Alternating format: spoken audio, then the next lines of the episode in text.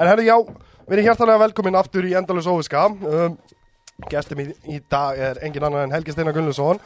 Hann er grínisti og var að gefa út sína fyrst, eða, sitt fyrsta albúm skrítið að segja kannski fyrstu plötu. Fyrstu plötu, já, hann hljómar eins og sér þannig að, Bara með þess að þeirra geisladiskarnir voru komnir á það að fólk skýrði þetta en þá plötu. Ég sá bara fyrir mig vínilinn. Já, já, alltaf. Þannig að, en, en hann var að gefa út sitt fyrsta albúm sem var dreift sem, já, byrjaði á því að segja mér Já, uh, sem sagt ég, uh, það var, vorum hérna með Reykjavík Þetta var reyndar sko, ég held að var, þetta var fjóruð eða fymti specialin sem ég hef gefið út síðan ég byrjaði að uh, gera uppistand fyrir fimm ári síðan. Já, Og fjóruðið að fymtið er einn á ári sko. Já, já, þú veist, ég var enda kannski aðeins og snöggur í að gera minn fyrsta, sko, þetta var, Já. þú veist, maður er aldrei hérna, metnaðafull og þegar maður er að byrja í einhverju Nei, svona, nei, nei. þá finnst maður bara að vera að finnast bara einstaklingur í heimi. Emi, þú semur eitt bit og þetta er bara þetta er finnast Já, að bit sem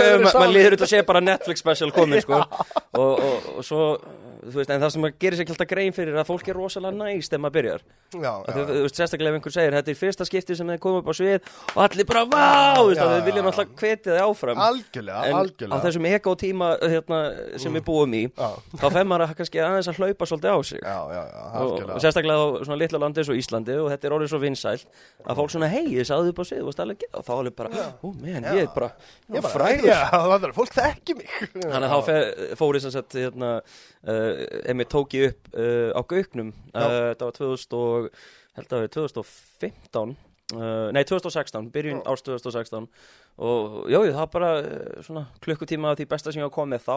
Já, Og svo hef ég svona reynd að gera þetta síðan ég byrjaði að fara á Edinborg uh, á frindsháttíðina þar. Já, að reyna að vera kannski með uh, eitthvað, svona allavega tilbúin með klukkutíma nýjan sko fyrir hvert ár. Og, og Það er sko fáralegt, það er bara eitthvað Lucy Kay það er, já, sko, sko. Karli náttúrulega byrjaði á þessu sko, Já. hann tók bara eitthvað nýst, en sko hann náttúrulega var svona í endanum sko, þá var þetta orðið svona svolítið bara, hann var bara farin að ranta upp á sviði Já, með það er svo pínu pólitískur áróður Já, Pínu sko besti, besti specialin sem hann gaf út uh, ekki kannski besti en, en svona kaltæðnasti specialin Já. uh, hann tók upp uh, á MGM Grand svona í, í lok færilsins Já. þá tók hann upp special á MGM Grand sem heitir I kinda like it when a lot of people die og hann tók Já. þetta upp 9. og 10. september 2001 Já, og hann vaknaði bara daginn eftir og þeir bara sögðu við getum ekki releasa þetta sko, Nei, ekki undir þessu nafni sko. Nei, Hann vildi ekki breyta nafninu samt nei, nei, nei, hann bara Þannig- það, þú getur auðvitað fundið þetta á uh, hljóðið sko.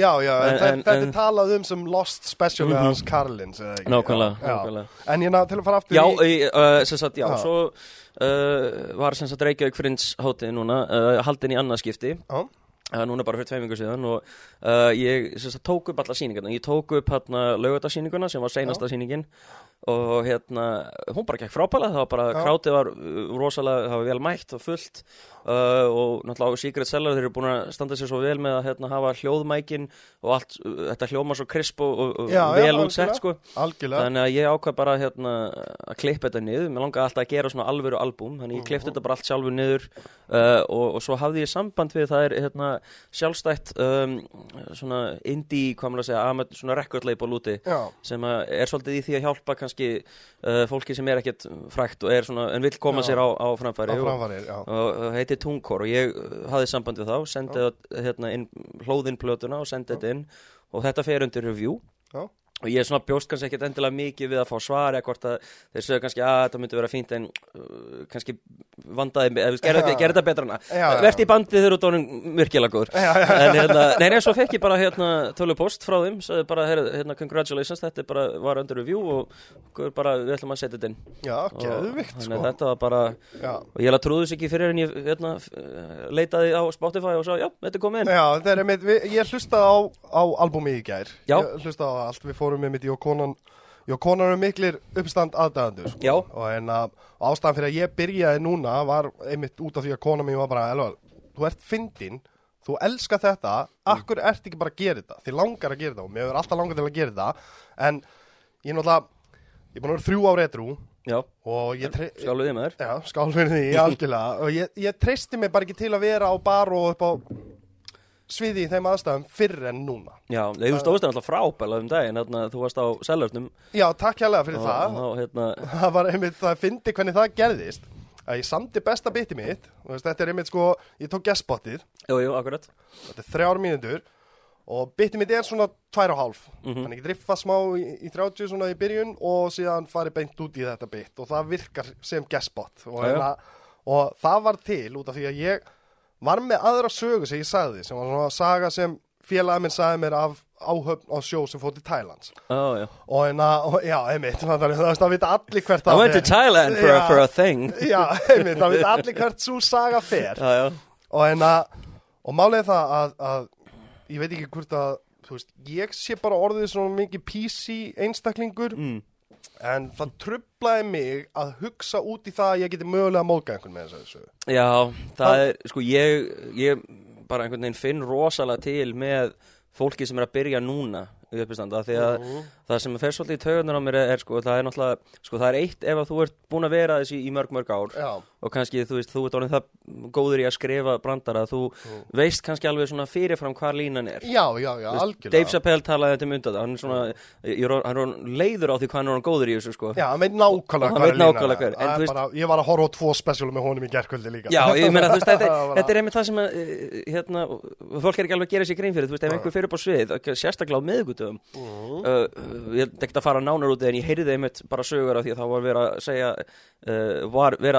Þá seljarnum að, að einhver ákveðin einstaklingur ætti í rauninni ekkert að fá að fara aftur upp á svið, að það segðu eitthvað svona rosalega móðgandi eða stuðandi, uh, þú veist, þegar fólk er að byrja, það er ennþá að finna röddina sína. algjörlega Og, og, og það kannski horfir á special og horfir á Netflix special og það er sagt einhver rosa edgy brandari Já, horfir á Anthony Jeselnik Já, það með skilurðu, þú Fire in the Maternity Ward Já, veist. já, og, já, já. og það er hérna, þú veist, vá, hvernig fer hann að því að finna Já, Þetta var ekkert first draft Nei, nei, nei, Þú veist, þetta var pröfur reynd aftur og aftur og Já. ok, hérna fór ég aðeins yfir línuna Já. uh, þetta, er aðeins að, þú veist, þetta, þetta er ekkert nákvæm vísindi Nei, Þannig þegar fólk er að byrja á svona og fólk bara, það er bara dreipið strax í fæðingu bara einhver, í staðan fyrir að segja herðu, hérna, sko, ég skil hvað átt við hérna, ég skil hvert þú ert að fara. Já. Breyttu þessu, kannski, taktu þetta. ég, ég veit hvað þú vilt gera. Já, Það er ekki að virka. Nei, Prófa eitthvað, þú veist, og, og málið það út af einmitt, út af sagt, að það kemur upp mál út af einmitt svona, skilur, Já, bara já. miðvikudegi það er einhver ofgróður og svo segir Jörg við mig Jörg, Elvar, we need to talk before next Wednesday. Og þá var ég búin að taka þessa sögu? Og ég Já, bara, já. an, uh, þú veist, ok, málið það að mér persónlega kannski ekki út af, þetta var, þú veist, ég er bara búin að fara núna tíu sinnum í mestalagi eitthvað upp á svið, þú veist að ég er bara komin þangað, ég er ekki komin lengra en tíu skipti. Já, já. en, og samt búin að ná að semja svona gott bit Mhm. og er að vinna á öðrum bitum. Og, en Jörg segir þetta við mig og ég hugsa strax fuck, það var kvartað í klúbin og, og mér er alveg saman þótt ég hafa móðgað einhvern með þessu já, já. en að kvart í klúbin er það sem ég get ímyndum að hafa gæst Já, það, það verðist einhvern veginn vera einhver hvað maður að segja, það er einhver lenska bara núna í heiminum að, að uppistandsklúpar eiga að virka bara eins og veist, löggur í heiminum að það, Já, já, þú veist, já. ef einhver gerir eitthvað, segir eitthvað, þá er þetta klúbnum undir koma því þú veist, ég held ekki bara fólk segja þess að miskila hvað uppistand er, þú veist Mm. ég, ég er búin að heyra þetta of, uh, svolítið oft fólk segir, já, þú ert að veita þessum einstakling plattform Veist, eins og þetta sé eitthvað beer hall puts í þú veist, Þískalandi og fjóruðar og veist, þetta er bara komedi sko, ég vildi óska þess bara að fólk hætti að taka uppistand svona ógeist alvarlega veist, þetta er ekki Já. TED Talk þetta er nei, ekki, nei, nei, nei, nei, þetta á bara að vera gaman. Veist, bara því þetta er eh, ég fyrir að hugsa, það var einhver stelpa sem talaði við mig eftir sjó á, á hérna, eh, hvað var í fyrra eða eitthvað. Og, nei, það var endar á þessu ári, það var stuttu eftir hérna, ævintýrið í janúar hérna með, já hann að fínt einmitt, við skulum við skulum fara eins út í það út, út frá því sem við vorum að tala um. Út af því, að- svo ég geti klára bara með Jörg Jörg segir við mig þetta. Mm. Já. og ég hugsa og, og ég er einmitt eins og ég segi, ég er búin að vera ettur í þrjú ár ég er alkoholisti og Mhm. þú er heist söguna um manni með tjakkin já, það, er, já, það var alkoholisti, ég get lofa þér ég var búin að ákveða bara samræðana fyrir, fyrir framskilu og þannig var ég búin að vera í heila viku. Já, já. á því samdi ég þetta bit sem ég tók Mhm, á, á, já, á já. á sellunum. Á, út frá því samdi ég þetta bit af áhugjum á því að hitt var í ofgróft Mhm. og ég bara ok, þá ætlum ég að semja eitthvað bit. Og svo var ég bara að hugsa og þá kom út þetta bit og síðan kem ég að York og ég fer að segja við hann bara, já, já, þetta er út af bitinu og hendi ég því og, og það, ég er ekki tilbúin að þú veist, Ég, ég tek tillit til aðstæðana bara, þú veist, ef fólk verður móðgá og særi tilfinninga þeirra, þá er ég bara ekki að fara að gera það. Er bara, þú veist, það, það, freedom of speech, whatever og þetta, það skiptir mér bara ekki það miklu máli að ég get ekki bara sagt, ok, já, ég tek til þín, þá ætlum ég bara að breyta emninu mínu. Já, já, Og svo kem ég á hann og segi þetta og hann bara, ég alveg, hann alveg, no, no, I just wanted to know how I could promote you better. já. Að þá er ég bara múin að búa búið að spinna í hausnum. Já, já, það er enda rétt sko. Þetta er, æ, þetta, þetta er svolítið góða punktur sko. Fólk að já, já, nei, ég meina þetta er, þetta er líka talað um þetta svolítið oft bara veist, ég held þetta sé ekkit endilega það margir sem myndu kvarta. Þetta er, þetta er bara að því að, að, að hópurinn sem kvartar er einmitt háværasti Já, algjörlega, það er alltaf þannig. þannig að sko. þú heyrir ekkit í þessu þeir sem er kallað the silent majority. Nei, nei, nei, al- algjörlega, ég er alveg sammálaðir. En út af því að við erum að ræða þetta Þá langar mig akkurát að fara úti. Við höfum nú minnst á þetta mál hérna í, í hlaðarpinu Þannig að fólk kannski veit einhvað En þú ert maðurinn sem lendir í Segðu okkur bara nákvæmlega hvað gerðist. Já, sko, svona forvera þessari sögu er að ég var sagt með uppistand í Úkrænum uh, í fyrranum desember. Já, og það var hérna uh, þetta var svona svolítið byggt á gamli sög sem ég lendi í en ég var sem sagt, var upp á sviði og, og hérna sko, uppistand er ekkit sérstaklega uh, hérna, þróað konsept í mikið af þessum nei, og það var einhverja tvær blindfulla stelpur sem voru hérna í salum rúsneskar já. Og, og það var eitthvað, var eitthvað shut up, get off stage, you're not fun eitthvað. Og hérna, ég var svolítið pyrraður á þess að því þú veist, þetta var þú veist, fólk hekla stundum svona til að uh, svona, það eru, Gísli Jóhann sagði þetta, það eru þrennskins heklarar Aha. það er fólkið sem veit ekki að það er að gera það það er bara að tala. Mm. svo er fólkið sem heldur að segja hjálpa. Já, svo heldur að gera sjóið betra. Heldur að, já, akkurat, það horfir á, þú veist það, ég get líka verið svona, ég er fullur núna ég, nú er ég að fyndina þú Óli segir alltaf að ég sé svo ógeðslega Já. fyndin Það er hann Það er ekki svolítið, það er svo, svo hérna, skemmtileg tilviljun, allir sem segja ég sé fyndin eru vinahópurinn. Já, já, já, en svo, hérna, svo er þrænskins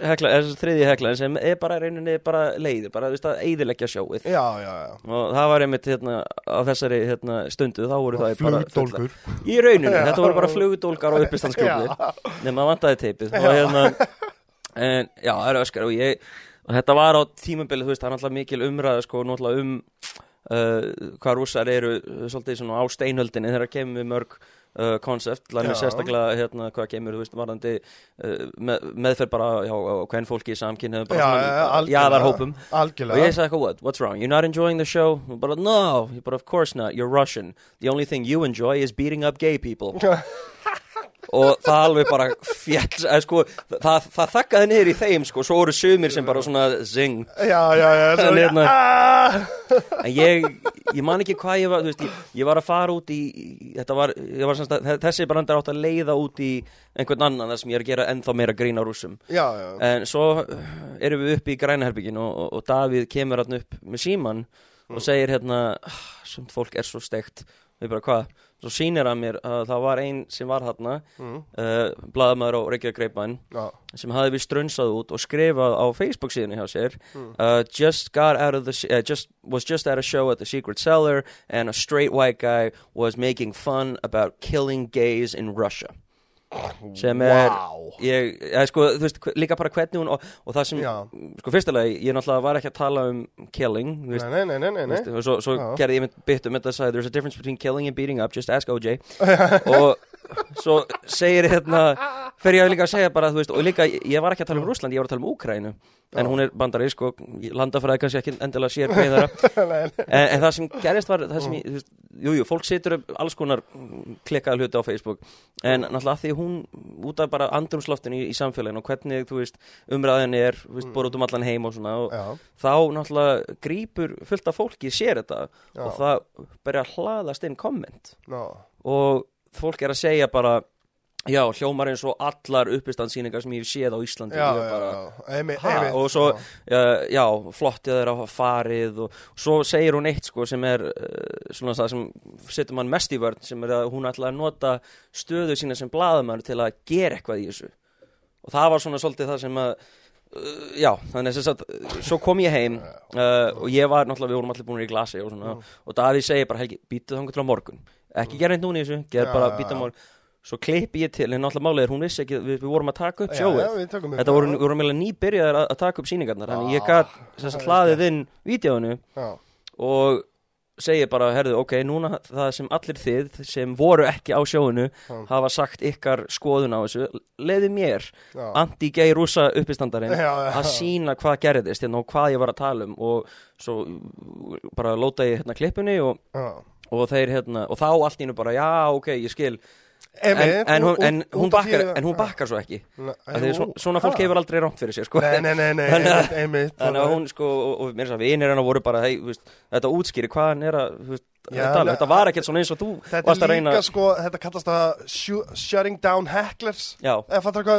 Bara, þetta er bara, þú sagði þetta til að skjóta þá bara, veist, og líka að- bara, og þetta er fyndin setning að segja við þau út af því að þau náttúrulega strax bara eitthvað, ég meina, ég, ég, ég benda á þetta, hérna, ég var ég á Frosta, hérna, ég var hann í Harmageddon að Já. tala um þetta, ég sagði, mér finnst bara allt í lægi að, veist, ef að þjóðir eru að haga sér svona, ef að þetta er bara, veist, og ég hef séð þetta sjálfur í Úkraina og Úslandi, bara viðhorfin, þú veist, bara Já, að þú já. tala við bara fólk sem á að vera mjög progressiv þar í landi, þegar kemur að þessar umræði, Já. no, no, I don't think we should be allowed, já, já, það, Þannig- já, þannig það er rosalega bara, Þannig, já. þó ég sé einmitt, mm, kannski að tala gegn því sem ég sagði áðan að, að fólk á ekki að taka uppistand alvarlega. Nei, nei, en, veist, ef þú hefur okkar plattform þá náttúrulega auðvitað áttu bestalegn til að nota er að mynda að gera grín Já, að já, að fólki sem hafa svona fáitum algjörlega, ég er er sammála því út af því að um, ég hef alltaf, alltaf hort á þetta þannig um, ef þú segir þetta svona Mm. það fær mig til að hlæja Já, já. og hugsa út í þetta mál.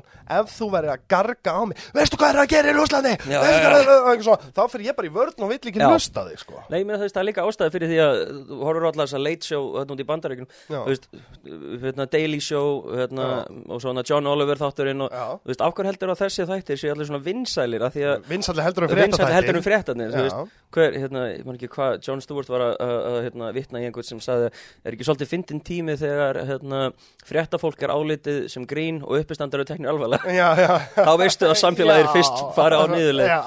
en hérna e, já, en, en hérna e, svo bara, já veist, þetta á ekki að vera svona hérna, en já, en ef þú ert að nota þetta í einhver tilgang, það er bara frábært líka bara að gera grína, þú veist eh, en loka niðurstaðan á Mm. kvöldinu er aldrei vá, ég skal lofa, þetta er það sem ég sagði við þessa stelpu sem var að Mm. tók, mig, tók mig á tal hérna, stuttu eftir þetta gerðist Já. og hún sagði bara það sem þú verður að gera grein fyrir að þú ert hvítur kallmaður og hefur hérna að, og hún bara var að segja þetta eh, syngja þennan söng sem er að Já. uppistandar að hafa eitthvað völd já, já, já, Uh, algjörlega ég sagði nei, þetta, er, sko kannski er þetta vinsælt núna Já. uppistandi vinsælt en það þýðir að það hafi ekki endilega veist, ég skal lofa því, það, ég sagði þetta ég skal lofa því, það verður enginn farið af uppistandskvöldi og breytt allri hugmyndafræðinu sinni út frá því sem einhver var að gera grína. Nei, nei veist, aldrei. Og það er enginn á okkur að fara í frambóð og vera kjörnir Nei, af því að ef einhver, sko. ef einhver er sammála mér Já, þá hlæja þeir. Já, jafnvel þá þessu ekki sammála mér, vita er þetta sitt jók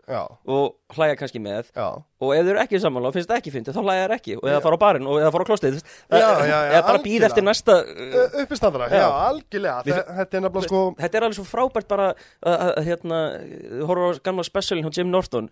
Af hverju er uppistand eina listgreinin þar sem allir í salnum þurfa að vera búnir að, að sætta sig eða búnir að, sagt, vera sammála fyrirfram því sem er að fara að vera að segja upp á sviði? Já, já. Þannig að þú lappar ekki um sapn, listasapn og hendir hangklæðum yfir málverk sem þú fílar ekki. Nei, nei, Ég vil ekki að neitt annar sjá þetta því ég hafði ekki gaman að þessu og svo hugsaði með mig veist, allt sem þú horfir á sjónvarpinu þú veist, þú ert að horfa á sjónvarstátt eða, eða hérna, auglýsingu bara, ó, ég fílaði ekki þessa auglýsingu.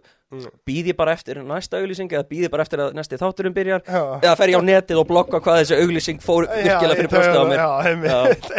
að þetta er svona En þetta, þetta er samt líka sko málið það og að mér finnst þetta svo fyndið sko þegar á nefnir það að þú ert hvítur karlmaður þú veist, að, að það er alveg það? já, já flesti sem hlusta á ég nákvæmlega. lít út en, en ég að segja, þú veist, hvað með það? Hvað, Já, ég, þetta er náttúrulega sko þú veist, þetta er jú, jú, það er hérna uh, ég, hugsa alltaf um þannig að þú veist, heimurinn sérstaklega eftir núna uh, þú veist, hann er ég myndi segja heimurinn er svona þú veist, þess er ekkert endil alltaf svona á móti þessu PC dótið sko að því að þú veist, hann, hann er svona hálfpartin að leiðréttast og Já. ég hugsa einmitt með mér hérna. Joe, Rogan tala vel um þetta, hann sagði að þú veist að, að, að því að á árum áður þá var þetta svo ógeðslega, þú veist í hináttina, þú veist, Já. þú þarft ekki að gera hann að horfa á matmenn bara til að sjá hvernig já, já, já. Og svo, þannig að- þannig að þú veist- þegar, þú veist, ei, sugar tits, þú veist, það var bara og klukkan var hún nýju um morgunin, sko, já, bara með með, viski og, Þannig að hann segir sko, og svo náttúrulega því að mannskefnan er svo ófullkomin sko, að þú veist, þegar eitthvað, það leiðréttist allt í, það fer allt út í öfgar fyrst sko, Já, og svo kannski svona finn, finnist mið, Finn ég miðbúturinn sko, Þú veist, Það fyndi að ég var, ég var gestur hjá hemmafrænda og er að tala um þetta. Mm. og það er þeim fannst svona skrítið út af því að maður er og það er maður er grínisti og málið er það að ég er ég er alveg þokkalega PC manneskja þú veist, eins og með allt þetta trans og queer dæmið og eitthvað svona. Veist, ég er bara, wow, hérna þú veist, alveg, þú veist, ég, þetta tröfla mig ekki neitt, mér finnst það bara frábært allir eiga að fá að vera þeir sem vilja Mhm. þú veist, Ben Shapiro, þú ert ógslag fyndin í Destroying vídjónum, en af hverju er þú, af hverju hvaða vídeo á Ben Shapiro er ekki eitthvað sem innirheldur destroy Já, ég en ég er að segja, það er ógæslega gaman að horfa á hann, en þetta er samt alveg svo, af hverju er þetta svona mikið áhuga mál hjá honum? Af hverju má þetta fólk ekki bara fara í kynskipti að ég og vera bara, það sem það vil? veistu það, ég, ég gefði því þrjú ár þá var hann komin út sjálfur sko Já, að er í- já. það- er einmitt sko, ég las, ég las, eh, reyndar, ég las ekki grein, ég las fyrirsögn. Auðvitað. það er 2019 það les engin greinina Ekki nema að sé um ofurhetjudót, já, þá les ég ekki greinina, og hérna, en að ég las fyrirsögnina að hommahattur kemi út frá fólki sem er, sem hefur uh, tilfinningar já, já. sem það uh, viðbýður í sjálfum sér. mm þetta er alveg, ég, ég var í Mér, þetta meika sens fyrir mér. Ég var í, þegar ég var í mentaskóla út í bandaríkuna, þá var hérna, þá var ég með, það var eitt strákur í bekknum hjá mér sem var bara mesti, bara, það var ótrúld hvað hlutinir sem að létt út úr sér. Já, Og þetta var 2005, sko, það var svona, þá var, því, sko, þetta er líka málið, sko, því ég man Mm. eftir að vera í mentaskóla í Ameríku, í miðríkjónum, þe- á hátíma Bush tímambilsins, já. þegar þú veist þetta God hates queer stuff það var bara, Já, það var bara svona nokkuð, það var svona veist það var ekkit kannski í lægi það, það var bara, já, Liðið. það var bara já, liðið já. Veist, við vorum í hérna, social studies tíma og það það verið bara svona við áttum að rökræða bara pros and cons of gay marriage veist, eins, og það er, eins og það væri bara eitthvað svona svona 50-50 sko og fólk var bara að segja, já, þú veist, það voru ykkur þetta, þetta, ég bjó í svona þetta er svona liberal bæri sem ég bjó í en allt þar í kring var svona rednecks Já, já, já. þannig að það þurfti að gefa þeim röttina líka og, Mm. og það bara, já, þeir hafi ekki they haven't earned it og eitthvað svona röggl og, og það var eitt sem var einmitt mest eh, svona á, á hérna hægri skalunum þegar það kom að því svo þegar Facebook kom þá var svona, er að sækja alla gamlu vini sína og svona Já. sé ég ekki prófíli myndin á honum á Gay Pride Parade málaður í regnbóðanum með Ah, flöytu já. og ég bara knew it, vissu. Bara út af því að hann var bara þetta er samtali veist, ég á marga félaga sem einmitt er hann úti og fara á gay pride í LA og allt svona. Já, ég hef ekki, ég ekki farið sjálfur en, en einn daginn langar mig ógislega mikið að fara. Og, og sérstaklega út af því að mér langar í alvörun að sjá fólkið sem er með skilti eitthvað God ég- hates fags Það, og eitthvað svona. Mér langar að fara að hitta þetta fólk bara í alvörunni. Hvað er að bögga þið svona mikið við þetta? Og mér langar, mér langar að heyra nefnilega og það ég hef aldrei heyrt rök. Þeir eru, já, þeir eru allir. Það, það eru örgulega, orgjur sem eiga sér stað innan þessu Já, kirkju, innan, sko. Ég já. get ekki trúið öðru sko. Það er einmitt að ríða inn um görnum út ógeðsliður Á Svo mig mæta, já, svo mæta þeir út á en, ég, en skilur hvað við út af því ég hef aldrei heyrt neinn rök Nei, nema þegar kemur að Guð. Og fyrir ekki ég er bara þannig maður að um leið og ætlar að fara að segja Guð við mig í rökum þá ertu búin að skjóta sjálfa í fótinn. Það er bara, já, nei hlustar, ekki á ímynduna vinn minn Já, já, já, all, allt þetta skilur þú veist, er þessari líka- bók hérna Það er líka alltaf búið, þú veist, af hverju er líka alltaf að vera að búast við því allir trú á sama hlutin Já, já, algjörlega. Þú veist, það, er fyrir utan það, skilur En, ef ég, ef ég trú á, hérna, ég veit ekki, kirkjuhins fljúandi spagetti skrimslis mæta maður ekkert fyrir utan ítalska veitingastæði að mótmæli, þú veist, ég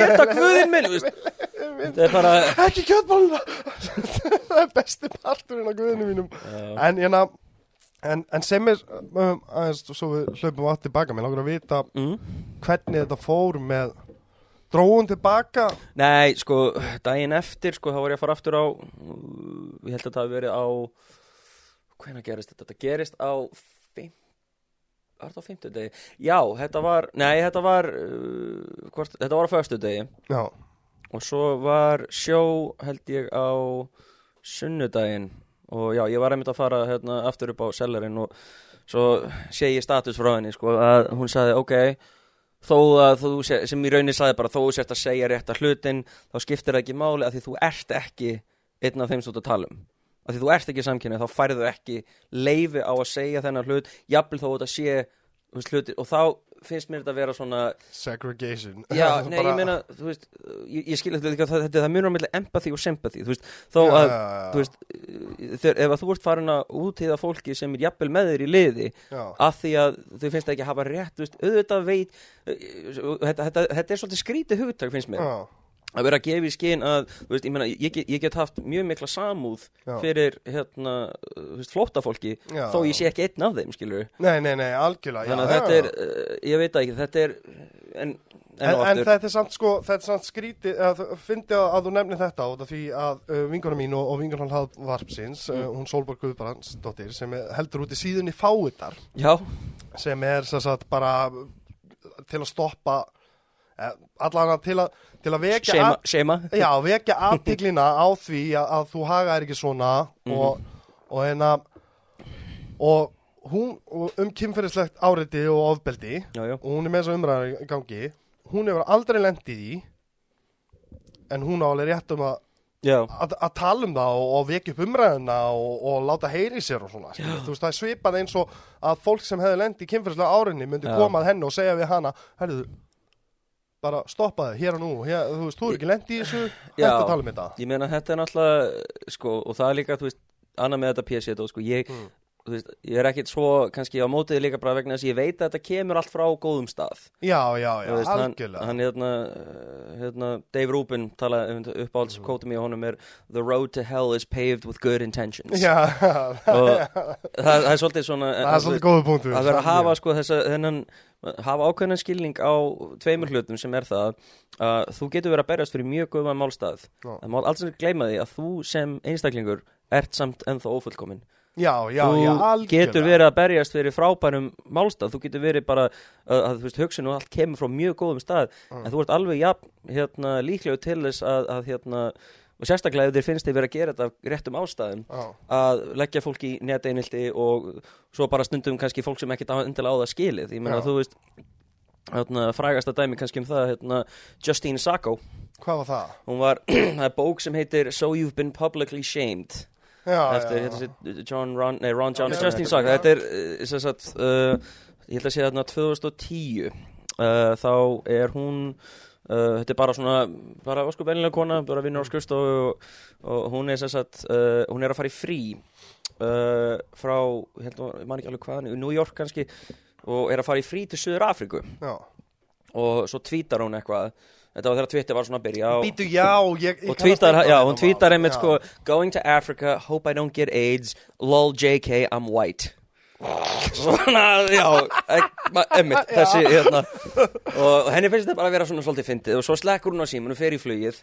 Og svo vaknar, svo fer hún að sofa í vélinni Og vaknar í Johannesborg Þegar hún lendir, hérna, í Suður Afríku og það bara er, fyrsta sem hún sér er message frá vinkonu sinni sem segir bara I am so sorry for what is going on right now, uh, what's happening to you right now. Já, þá meðan hún var í miðju loftinu þá bara hafði fullt af fólki hérna, tekið upp og bara, þú veist, og þetta var retweetað og retweetað og þetta var bara, þetta fór í fréttinnar og svo hérna, málið var, en hún var í sko 11 klukkutíma flugi frá hérna en hún gæti ekkert svara fyrir sig sko, Nei. og það var bara að vera áreita, það var að vera áreita fjölskyldurinn, að vera áreita hérna, hérna yfirmanninnar Mm. og yfirmaðurinn hennar þurfti bara að reka hana á, á live TV, bara Já, á CNN já. og uh, það bara, það, lífið hennar var bara ónýtt, svo lendi hún sko já. Og, og það bara, ég, fólk var bara þú veist, það var fólk að segja bara sko, mest nasty hluti bara, það var einhver sem sagði eitthvað let's get someone with HIV to rape this bitch and then we'll see if her skin Já. color protects her from, og bara, Já, það, fólk, fólk, en- fólk þegar, einmitt, sorry, bara ég Já. skjóti inn í, þegar fólk er með réttættiskendina sín megin, Já. þá heldur það að megi já, segja og haga sér bara eins og það vil Ja, eins og það vill, sko. Sorry, Þannig, þannig, og svo hérna, nei, nei, og svo hérna, hann hitt sest, gæðin sem skeri, gerir bókum þetta sko Já. hann hitt hana svona einhverjum árum setna Mm. og bara, þú veist, hún þurfti að skipta um nafn hún var bara ennþá, hún var grenjandi á veitingastafinu sem þið hittust. Þetta var mörgum árum Já. eftir þetta gerði sko. Já. og þú veist, hún, hún, hún fekk ekki vinnu uh, hún gæti ekki deyta því þú náttúrulega þú googlar alla sem þú deytar sko. Og fyrir alla þá, ups, fyrir alla þá er hún bara the racist AIDS lady. Og þú veist, lífið hennar er bara, bara, Bara bara ónýtt. og, og svo hann spurði svo líka fólk sem tók þátt í allt þetta einhelti gegninni Já. hana, veist, líður illa vitandi núna hvernig þetta allt fór. Fólk bara, neðin Út af því að þú bara einhver staðar í gegnum að ég bara klappa sjálfur mér á bakið þú ert ekki tengdur nei, þetta er aldrei face to face Já, þetta er ekki face to face Ég myndi að það er á sess niður með Mhm. henni Alveg sama þótt að þú taldi að hafa réttur þér Svo sestu niður með manneskinni eyðir einum degi með henni. Svo segir það bara sem venjuleg kona góð kona sko, hann bað, hann svo líka um að útskýra brandarann sko.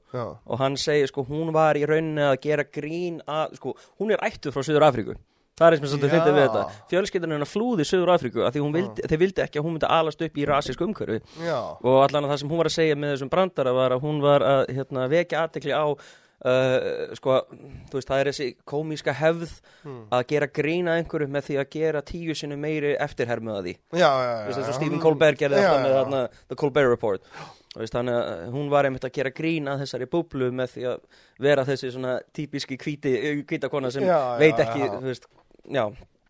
Veit ekki betur Veit ekki betur, já, nei, já, en já, það er- algjörlega. en það er bara, já, skiptingumáli hvað, hérna, hvað þú ætlaðir að segja, hvernig það er tekið. Já, algjörlega, en, en ég meina mynd, myndur þú telja sjálfa því að hafa upplifað þetta með þessu atviki sem gerist þannig á seller? Nei, nei, svo sem út af því að þú náður að snúi þessu við áður en það fór úr böndunum. Jó, náttúrulega ég, sko, að, ok, það er náttúrulega, uh, ég fór náttúrulega í, hjólaði þetta, sko, svolítið harkalega kannski bara út af því ég veit alveg, ég veit alveg hvernig típar, ég veit alveg hver ég er. Já, og ég, ég er bara, þú veist, og allt efnis, allt uppestans efni mitt, sko, er mjög hreint, sko, ég, já, meir já, og minna, af því ég vil alltaf þetta komi frá góðum stað. Já algjörlega. Og, og þannig þegar að uh, og líka bara, uh, já, þannig að það var það og svo líka bara ég veit hversu fljótt, ef þú stoppar þetta ekki, ekki Mm. hversu fljótt þetta getur hérna, dreifst, jafnvel þó hún hafi ekki minnst á mig með nafni, Nei. hver annar á uppistandsklubnum talar svona nákvæmlega um geopolítík og Rússland og já, fólk þú- var ekki, ég, ég, fimm mínútur setna eftir þetta fór upp á netið, ég var að fá SMS frá hérna, Jonathan Duffy, hann Já. mér þess og, og hérna, Andrew Sim hann, ég var að fá sko, skilabóð frá Skotlandi. 5-10 myndum eftir að þetta fór upp á netið þannig þú veist, það er bara og fjó fljótt. og ef þú stoppar þetta ekki þá, þá leifist þetta þá bara snowball effect Já, sko, þá gerjast þetta bara og, ég, ja, heyrði einmitt og, og líka að því að þetta er svo þetta er svo nýr klúppur hérna og þetta er ennþá svo nýtt á Íslandi ég vil líka ekki að fólk haldi að, að við séum bara einhverjir fávitar Já, og já, já, það er bara akkurat, akkurat þetta Mm. var ástæða fyrir ég tók söguna mína Mhm. og hendinni og, og málið það þegar ég lendi í þessu veist, ég, ég gerði samt ábygglega heimskjölu mistök ég sagði við Jörg að hann mætti bara fokki mér svona reglulega ég, ég sem besta efni mitt þú þarft ekki að segja nú það, hann gerir það bara í einn hérna, spýtum Arnór sagði mitt alveg Sagður þú Jörg að fokka bara í þér. Ertu eitthvað vængin Hann eftir að vera að ruggla við þig. Og en, en samt eins og erum á móti Þá samt ég besta efni mitt út frá pressu um það að, að vilja gera betur. Jú, jú. Og líka sko Það sem ég elska við Þú veist það sem ég tók svolítið eftir Og þannig að var það að, að Þú kemur hann að miðvikudöfum Þú heldur þessi open mic Já. En síðan eru þið allir hana. Þannig að grínista sem eru bara miklu betur og miklu meiri reynslu. Og, enna, og þú ert alveg bara holy fuck, þú veist, og eina sem ég hafði til að byrja með Mm. var ekki að láta kráti fara að hlæja, það var að láta ykkur fara að hlæja. Já, það var nummer 1, 2 og 3 hjá mér og var bara, ef ég næð þeim til að fara að hlæja þá, þá veit ég að ég get gert Sko, líka uppistandar að verða svo jaded sko, þeir eru búin að vera í svo svo lengi. Já, Þú veist þess að þið talað um að vera comics comic já, vegna þess að þú ert á að segja einhverju hluti sem lætur sem sagt salin ekki fara að hlæja. Já, að því, þú veist, þetta set-up punchline svona, ja, þetta finnir brandari. En þú vilt virkilega láta uppistandar fara að hlæja reynda að gera eitthvað sem að mun ekki láta kráti fara að hlæja. Eitthvað sem er svona veist, ég getur sagt þess að sögu núna þarna þegar greipur hérna var á Já. fyrir einhverjum árum síðan þá tók hann eitthvað svona rosa móðgandi brandara. Og salur náttúrulega, þetta er náttúrulega bara stútnakjallarinn sko, það er bara hápunktur PC hérna sko. Og uh, hann bara, hvað, fíluðu hennan ekki? Já, ég er með fjóra svipað eins og bara rennur í gegnum þá alla. já. og salurinn bara uh, en uppistandsborðið, allir voru að missa sig Já. þetta er, svo, þetta er svo mikið Larry hérna, þetta? Er svo mikið Kirby enthusiasm Já, moment sko. já, já, og þetta er svo mikið greipur. Greipur er svo mikill snillingur. Hann var einmitt gestur okkar í síðasta þætti. Já, já, En að hann er svo mikið snillingur að, að hann, þú veist, hann því að honum virkar að segja Fíluðu þetta ekki? Ok, ég er með fjóri viðbót og segir segja fjóri viðbót Mm. já, já. Nei, nei, það er hérna. Já, hann er svona, hann er mjög mikið, er mjög mikið hitinn mig sko. Það er Já, hérna- algjörlega, það, það er einmitt, ég hef síðan sko það sem fólk bara fattar hann ekki. Nei, nei, En síðan eins og á, á föstudaginn einmitt síðasta já, já. Það er elsku, hann, all, Já, já, já, hann hann, bara sló í gegn þar sko. Það er svona, það er að meta, að því, þú veist, og það er líka, sko, sumir eru bara með, þú veist, uh, eins og hérna, bæði hann, hún segir líka Arnótaði, þú veist, það sem virkar rosa sterkt í þeim er þetta likability, sko. Já, veist, já, já, já. Þú veist, ef þú ert svona, svona þú, þú gefur frá þér svona eitthvað vingjallega, svona hóværan, Algjörlega, Þá- algjörlega. þá alveg lesa, en svo eru sumir, sko, um, ég, meina eins og, þú veist, York, hann er meira svona confrontational stílinnars, Já, já, já hann svona á það til að, hérna, já, hann er svona, Já, Þetta er, er svona finnst okkur gaman að horfa hann upp á sviða því að maður veit aldrei hvað getur gerst. Já, já, algjörlega. Og Og- hann tók einmitt gott sett á Já, á hérna föstudaginn síðasta sko. Og hérna, þannig þegar þú ert uh, já, já, þú ert alltaf, allir eru með svona sinni einn stíl. Ég, dæmis uh, það, mér hefur verið bent á svolítið ofta, ég á það til að öskra svolítið. Já, uh, í, hérna, hvort eða, ég, heyr- ég hef náttúrulega hlusta á plötunum, ég hef séð því marg oft, ég er náttúrulega, ég búin að að fylgjast með ykkur öllum bara uh, þrjú, fjögur ár, mm. Mm. ég, að, síðan Arnór það er byrjað að koma á fullu, já, það var náttúrulega, hann var besti vinni minn og, og hérna, og ég sá, ég kvart hann svona í það, bara fara og gerði þetta, það er ógeðslega fyndin, skilju, þú veist, ég vissi það, ég sá bara á hann strax, hann eftir Mm. að vera góðu grínisti, og hérna, og þá fór ég að koma miklu meira á svona, og ég er búin að fylgjast með ykkur síðan þá, og ég veit það ekki, þú veist, eins og segir, þú ert til að öskra en ég hef aldrei upplýðið þetta neitt Eh. til að öskra, kannski út af því að ég verð pumpaða með því. Eða fattar hvað ég sömur verða, krafti. verða sko, ég, ég byrjaði að ég var aldrei svona áður fyrr sko. Ég, Nei. svo fyndið er sko, hérna, náttúrulega nú eru hættir að gigga á, hérna, gögnum. Já, já, já, uh, það er þetta komin an annað kvöld í staði núna. Já. uh, en Sunflow Comedy, mæli. Jú, jú, hérna, já, uh, Soulflow, hérna og, og hérna Kat og þær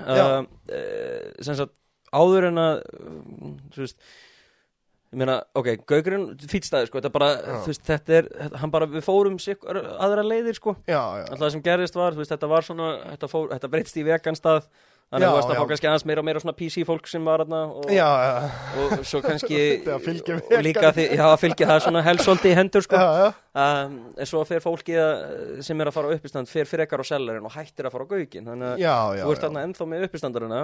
Já, og svo er þetta bara allt annað dynamic í krátinu já, algjörlega og það algjörlega. bara varð erfiðar og erfiðar og, og hérna ég, ég held að það var einmitt Ladyboy brandari virkar ekki vel í, í því kráti Nei, ég, þú veist, meira þess að ef ég tók bara mjög písi, það var einhver hérna, ég, það var tímabilið það sem ég ákvað bara ég ætla að hætta að gigga á gaugnum, það Já. var einhver hérna í salnum sem gargaði eitthvað, uh, nei, hann var svona, hann var svona þykjustinni hlæja, já, þú veist, ég var upp á sviðið að taka, þetta var nú bara fyrir bara þreim, fjórum viku síðan. Já, og hann hérna bara eitthvað, og ég bara, og þeir greipu bara á undan, ég bara, Já. hvað ertu að gera grína gaurin sem var á undan, eitthvað, og ég, og svo heyrist ekkert, sko, og ég bara, ok, ætlar að vera bara út, því ég sá hann ekki heldur, sko, nei, nei, Það ætlar bara að vera út í hotni eða ætlar að koma inn og, og hekla mig beint fyrir fram eins og maður? Og þá er ég svona úúú í krátinu og ég bara, nei, held ekki, svo held ég áfram. Já, mætir hann svo ekki bara beint upp á svið þetta er eitthvað svona, þetta er gæi svona hann er svona leðurjakka, sí, svona sítt svart hár uh, svona, þú veist, svo bendur hann á mig og segir kráti, this is the funniest comedian in Iceland. Ég er bara, hvað er að gera Ah, og svo ég bara horfa á hann ég bara, dude, what are you even doing at a comedy show? Shouldn't you be like, I don't know, raising the dead or planning a school shooting or something?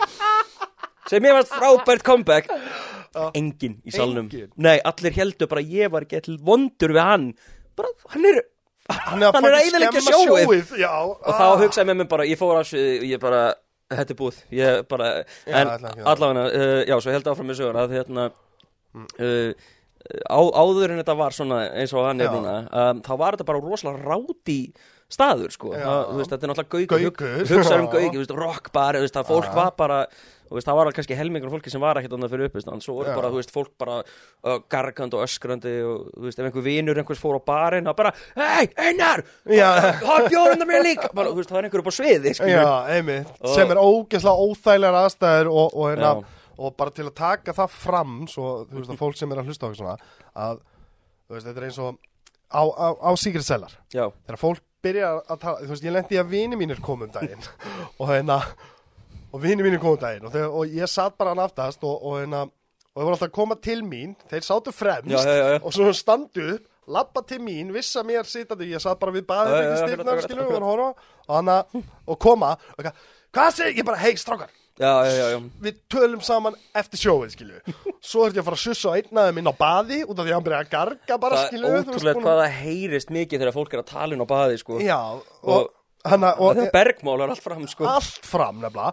Og ég ætla ekki að tala um þetta eins og svo við virkum ekki endilega sem einhverju fáutar og fólk að bara halda kjæðanina Já, já. en, en við erum í alvörunni, þú veist eins og fyrir mig þú veist, síðasta miðvikudag fengum við þrjár mínútur Mhm. það voru 19 uppistandara og ég var búin að fokk upp löppin á mér á hjólabretti fyrir um jú. ég var að drepast, ég gæti ekki staði í, löppina. Stand up or sit down. Já, algjörlega. Og, og, hérna, og ég fekk þrjár mínútur af 19 manns, ég var farin upp á svið klukkan halv tólf, ég var komin hana klukkan fimm um daginn Já. þannig að þú veist við, við, og þetta er eina skipti, ég reyndar fekk að vera gestspottið á jú, jú.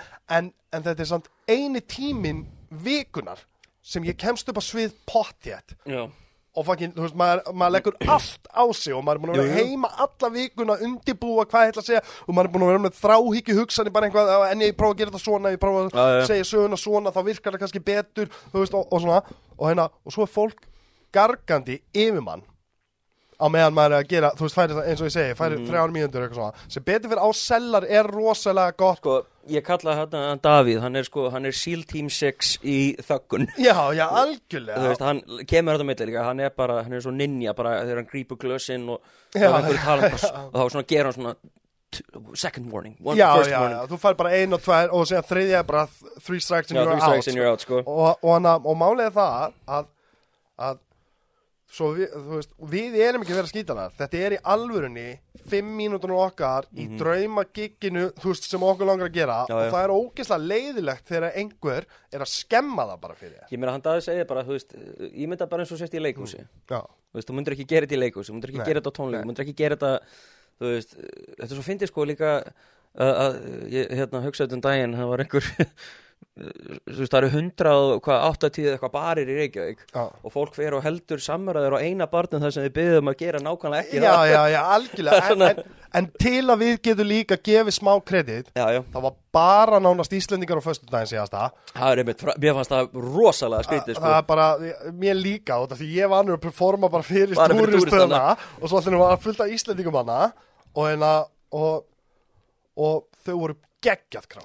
Bara þau voru ógeðslega gott krá. Þetta einmitt komir hérna náttúrulega á Íslandi sko uppistand hefur uh, svona traditionally alltaf haldist í hendur við veisluhald. Já, ásáttíðir já, já, já, já. og, og þá er fyrirtækið að fá þig til að mæta og reyðir á þig að þú sé það góður já. að þó að starfsfólki sé ekkert endilega fyrir þig. Þeir eru þarna til að tala saman og drekka og hafa gaman. Já, þú ert þarna komin til þess að sko, og þannig að þetta getur verið mjög mjög erfitt krát. Já, og hefur alltaf verið þannig þannig að þú veist, maður bara venst í skilur að já, Íslendingar geta verið svolítið svona, því þú veist, þetta er nýtt konsept, þetta er ekki, þeir eru kannski ekkit vön uh, líka, þú veist, Íslendingar eru, eru svolítið svipar og breytar líka þegar kemur að því að, þú veist, svo bandar ekki minn og segir ekki að fyndið, þá bara, aaaah, hlæja þeir alveg bara, já, breytar og Íslendingar eru svona, já, þetta var, hafði Já, gaman að þessum. já, þetta var fyndið. Þú veist, það er stundum þegar ég er að horfa á e- eins og þið og svona þegar, um, til, að, Mm. til að plugga albúminu UN brandarinn. Þú veist, ég, ég hef náttúrulega búin að heyra nokkur sinnum að nú er þetta alltaf orðið eitthvað svona Tjúvill er þetta ógeðslega fucking fyrir Þá er, ég alveg- þá er ég að hugsa þetta bara eitthvað. Ógeðslega fucking fyrir Þetta er eins og að horfa á Dave Chappelle uppistandi í gær. Að, að þá er kona mín grenjandi og hlátri og ég allar tíma bara hugði he's too fucking good. Já, veist, já, það bara og á að, hakk þú og- veist, ég var aldrei, ég var aldrei, ég var aldrei öfntjúkur en, en allt svona eins og UN brandarinn þinn og, og setti þitt í albúminu og svona það er ég að hugsa bara, veist, eitthvað, fuck ég, það er svo, veist, ég hugsa aldrei djöfull langar með að vera svona góður. Og, og þegar öfundsíki út af því að mér stað eins og það tilkynni að ég vilja að þú hafir þetta ekki og Já. ég vilja fá þetta. Nei, ég meina, Það ég, þú veist, ég fór til dæmis að sjá Ara hérna þegar hann tók áramótaskofi í fyrra. Já. Mér leiði eins og ég hef aldrei tekið uppistand á æfi minni já, Af því hann sko Já. kemur hérna með uh, fyrir hlutin, þá var hann með gamalt efni já, Svo setni hlutin, þá tekur hann allt nýtt Já. Ætlan ég hef ekki séð áður já. Og kemur með söngadri, spilar á flautu Hann er í kottnjús, ég var bara Og Andri Ívars með gítarinn fyrir aftan Ég var bara, þetta er, þetta er geðvegt sjó þetta er bara fucking Og ég hugsaði með mér bara já, Ég já, en, en, en það bara, ok, ok viðst, þá bara reyni ég bara betur að horfi á þetta. one up- day, one Já, day. Þannig að- up your game. Það Já. er einmitt það sem ég var að segja með því að vera uh, open micer með fullt af atvinnum mönnum eins og ykkur á staðnum Mm. að eina sem ég gæti hugsa bara skilju ég var bara up my game ég var bara í alvörunni að leggja start út að í fyrstu skiptin þá fór ég bara svið bara eitthvað ég ætla að prófa að segja þessa sögu, þessa sögu, Já, þessa já, já. sögu sem vini mínir hlæði alltaf af og eitthvað svona og svo Svo, þú veist, ég lendi í þessu dæmi hana, uh, það sem ég held að sé verið að fara að skamma mig, sem var síðan bara- það er raun og veru Já, það er raun og veru bara að vera að spyrja hvernig þið getur mögulega auglýst mér betur. Og, en, að, en ég lendi því og þá er ég virkilega komin í pælingar og skoðanir um bit, sjó Já, já, já, það er þú veist að leika með og, og, og takk fyrir, þú komst með góðan punkt fyrir mig á föstudaginn kom en sí, að segja það á þýsku á þýsku, það er. Ég, Sérstaklega með, við erum svona, með svona mikið af íslenskum grátum sem að hafa fengið, þú veist, þessa grunnskóla þýsku. um, Ég náttúrulega, ég kunni ekki, ég kunni ekki neitt í þýsku hugmyndi mín var bara, mér varst ógsla að fyndi að hugsa út í þetta. Já, pappa já, já, já, þú veist, og fara að leiki þetta síðan en ég kann ekki neitt í hreimum og, og það er alveg, þú veist, það er gott að fá einmitt punta hjá þér. Varandi það, út af því að mér langar að nefnilega einmitt út í það. Þú ert að vinna sem uh, þín Já, ég, túl, þess, að, ég, vinn sem, ég vinn sem kýminsku túlkur líka. Ég, já, hvað Já. talar mörg tungum Sko, þrjú reyfrendi, ég get bjargað mér á spænsku. Er sérst íslensku, önsku og kýminsku uh, Get bjargað mér á öruglega, já, meira á spænsku heldur en þýsku. Já, Og ég lærði, ég fór aðeins í rúsnesku þegar ég var áðun ég fór út til Úkrænu og Rúslands já, Það er bara að læra að það var enginn sem tala, að tala enginn þarna, Þannig að nei, þannig að þú verður að geta retta Já, ég eitthvað- náði, ég náði svona að retta mér uh, í lokin sko. Um, Algjörlega, en Ég bara, ég þing fyrir tungumál. Ég hef alltaf verið mjög, mjög hrifin af tungumálum. Ég, þú veist, ólust upp í bandaríkjunum Bæði á. Íslandi og uh, í bandaríkjunum Svona samtímis. Hvern, hvernig var það, farðu með okkur Já, hérna sko, í ég, uh, sko, mamma og pappi skilja þegar ég er hérna tveggjára ég ég var uh, Pappi minn sem, uh, hann reytar uh, hann útvarsmaður og sjónvarsmaður Þetta er Gulli Byggir og Já, Reykj- það pabbi? Já, í alvegni, það er ekki ekki Aðtekli síkinn var ekki langt að sækja sko. Nei, nei, einmitt. Uh, en hann fer sem sagt þegar ég og ma eh, mamma og hann voru sem sagt gift, þá fóruðu til Ameríku því á tveggjára og hann var hérna í leikaraskóla og, og leiklistaskóla og mamma var hérna hún var að læra læknisfræði og, og aði verið í fjölmiðlum og, og, og þau skilja sko, pappi flyttur aftur heim og mamma heldur áfram að vera úti. Já, þannig að þeir skipta í rauninni forræðinu þannig að ég er sko uh, fyrst er ég skólaárið út í Ameríku Já. og eigði svo sumrunum á Íslandi. Já, já. Og er þannig í kannski 5-6 ár. Uh, svo uh, þegar ég er 10 ára þá svissast það yfir. Ég- kem heim Mm, til Íslands í fjórðabæk já, og er þá skólaárið á Íslandi og eða sumrunum úti. Já, og þannig ég elst upp eða á tveimur hérna, vígvöllum já, og, og mamma sko hún vildi eiginlega líka senda mig heim á tíumbili af því að sko bandaríkinu er rosalega góð í að sko svona integrata fólk, þú kannski tekar eftir bara í podcastinu, ég er oft með svona já, það er bara þegar þú veist ég, fyrsta tungumálum þetta er já. þannig ég hugsa alltaf á einsku og sagt, ég kem einhvern tímann heim úr skólanum og bara, mama, mama, I gotta tell you what happened at school today. Og bara, Helgi, segðu þetta á íslensku. Bara, yeah, but it happened in English. Og þá var svona, ég held að hún fór að klikka svona, ok, ef ég senda hann ekki heim þá bara missir það málið. Já, já, og ég, ég á algjörlega. frænd fólk úti sem er íslendingar sem eru bara búin að missa málið. Það einn frænka mín, hún bara talar enga íslensku. Við erum vina fólk og hérna, alltaf þegar við tölum við það þú veist, ég tala við það á Facebook og svona þá bara, Only Icelandic alvar Já, eða já. bara íslensk, eða skrifa bara, bara Já, já. íslensku. Þá bara, þú veist, þá er þau búin að venja sig á það að passa að tapa ekki tungumálinu Nei, nei, sko. ég meina ein, sko, frænka mín, hún er, hérna, sko, tvær sýstur hans pappa sem eru núna að verða á landinu bara næstu vikur, Já. koma, reyna alltaf að koma þannig þessu svona hittingur einu svona ári, ein býr út í Seattle og hinn býr í Þískaland og þessi Þíska, hún er íslensk en hún svona tala mjög mikið svona, já, að svo, já, já, það vera svona, og hún sagði, sko, hún er það rosalega mikið af fólki sem er vegan og það er svo æðiselt að vera eins og mér í Leipzig, sko, svo mikið svona hipster og þeir allir vera, og það er svo grútlegt að hlusta á þetta, sko, Nei, bara því þú ert búin að vera svo lengi úti þú veist, þú bara, þetta held ykkur mann og þannig að ég elst þarna upp á báðum vikstöðum sko og svo uh, kem ég heim í fjóruðabæk og ég var ekkit sérstaklega, sko, ég var alltaf að vera í breiðalskóla þú veist, in the 90s og það var svona, veist, að maður svolítið laði reyneldi og svona, þetta já.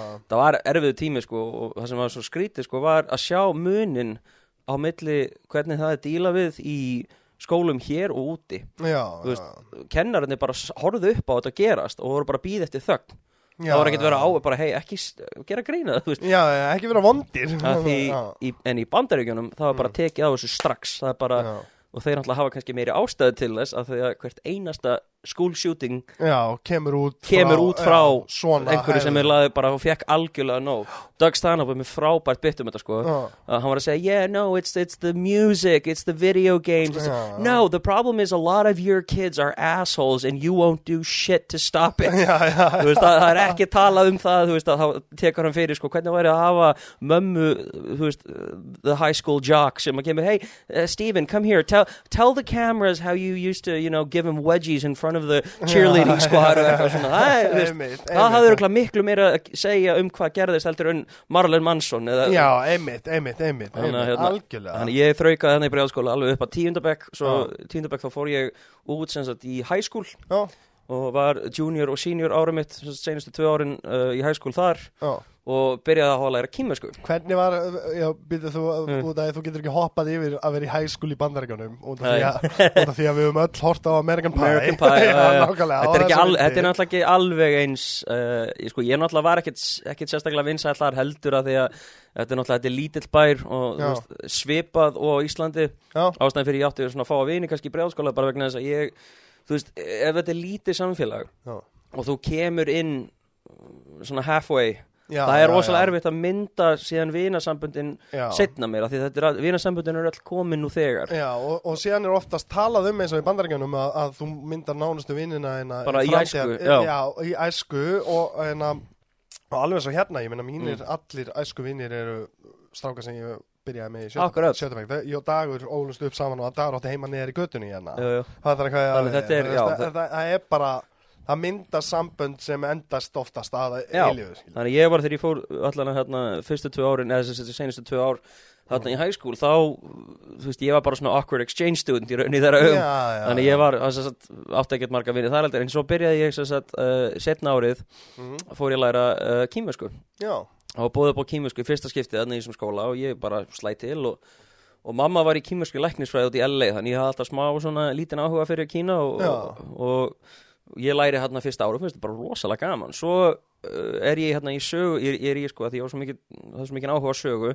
Ég var í svona advanced sögutíma sem var svona háskóla level og sem heyrist by the way í albúminu sem hægt er að tjekka á Helgi Steinar á Spotify og Shame- iTunes. shameless plug, I love it. It og, hérna, jú, jú, Amazon Music og hérna iTunes og allu Já, verður út af því að, uh, sorry að ég gríp fram í en út af því að hana í hérna í, í, í í bitonínum þá heyrist sko ástriðan þín á, á tungumálum og, já, og svona bara að það skýn í gegn. Og það er ógeðslega flott hvernig þú að, in, tekst að integrita það inn í húmóriðin já, þú veist, Já. uh, tungumál, stjórnmál, alþjóða, allt svona. Já, og, og saga, sagan um, um hérna svon fyrsta.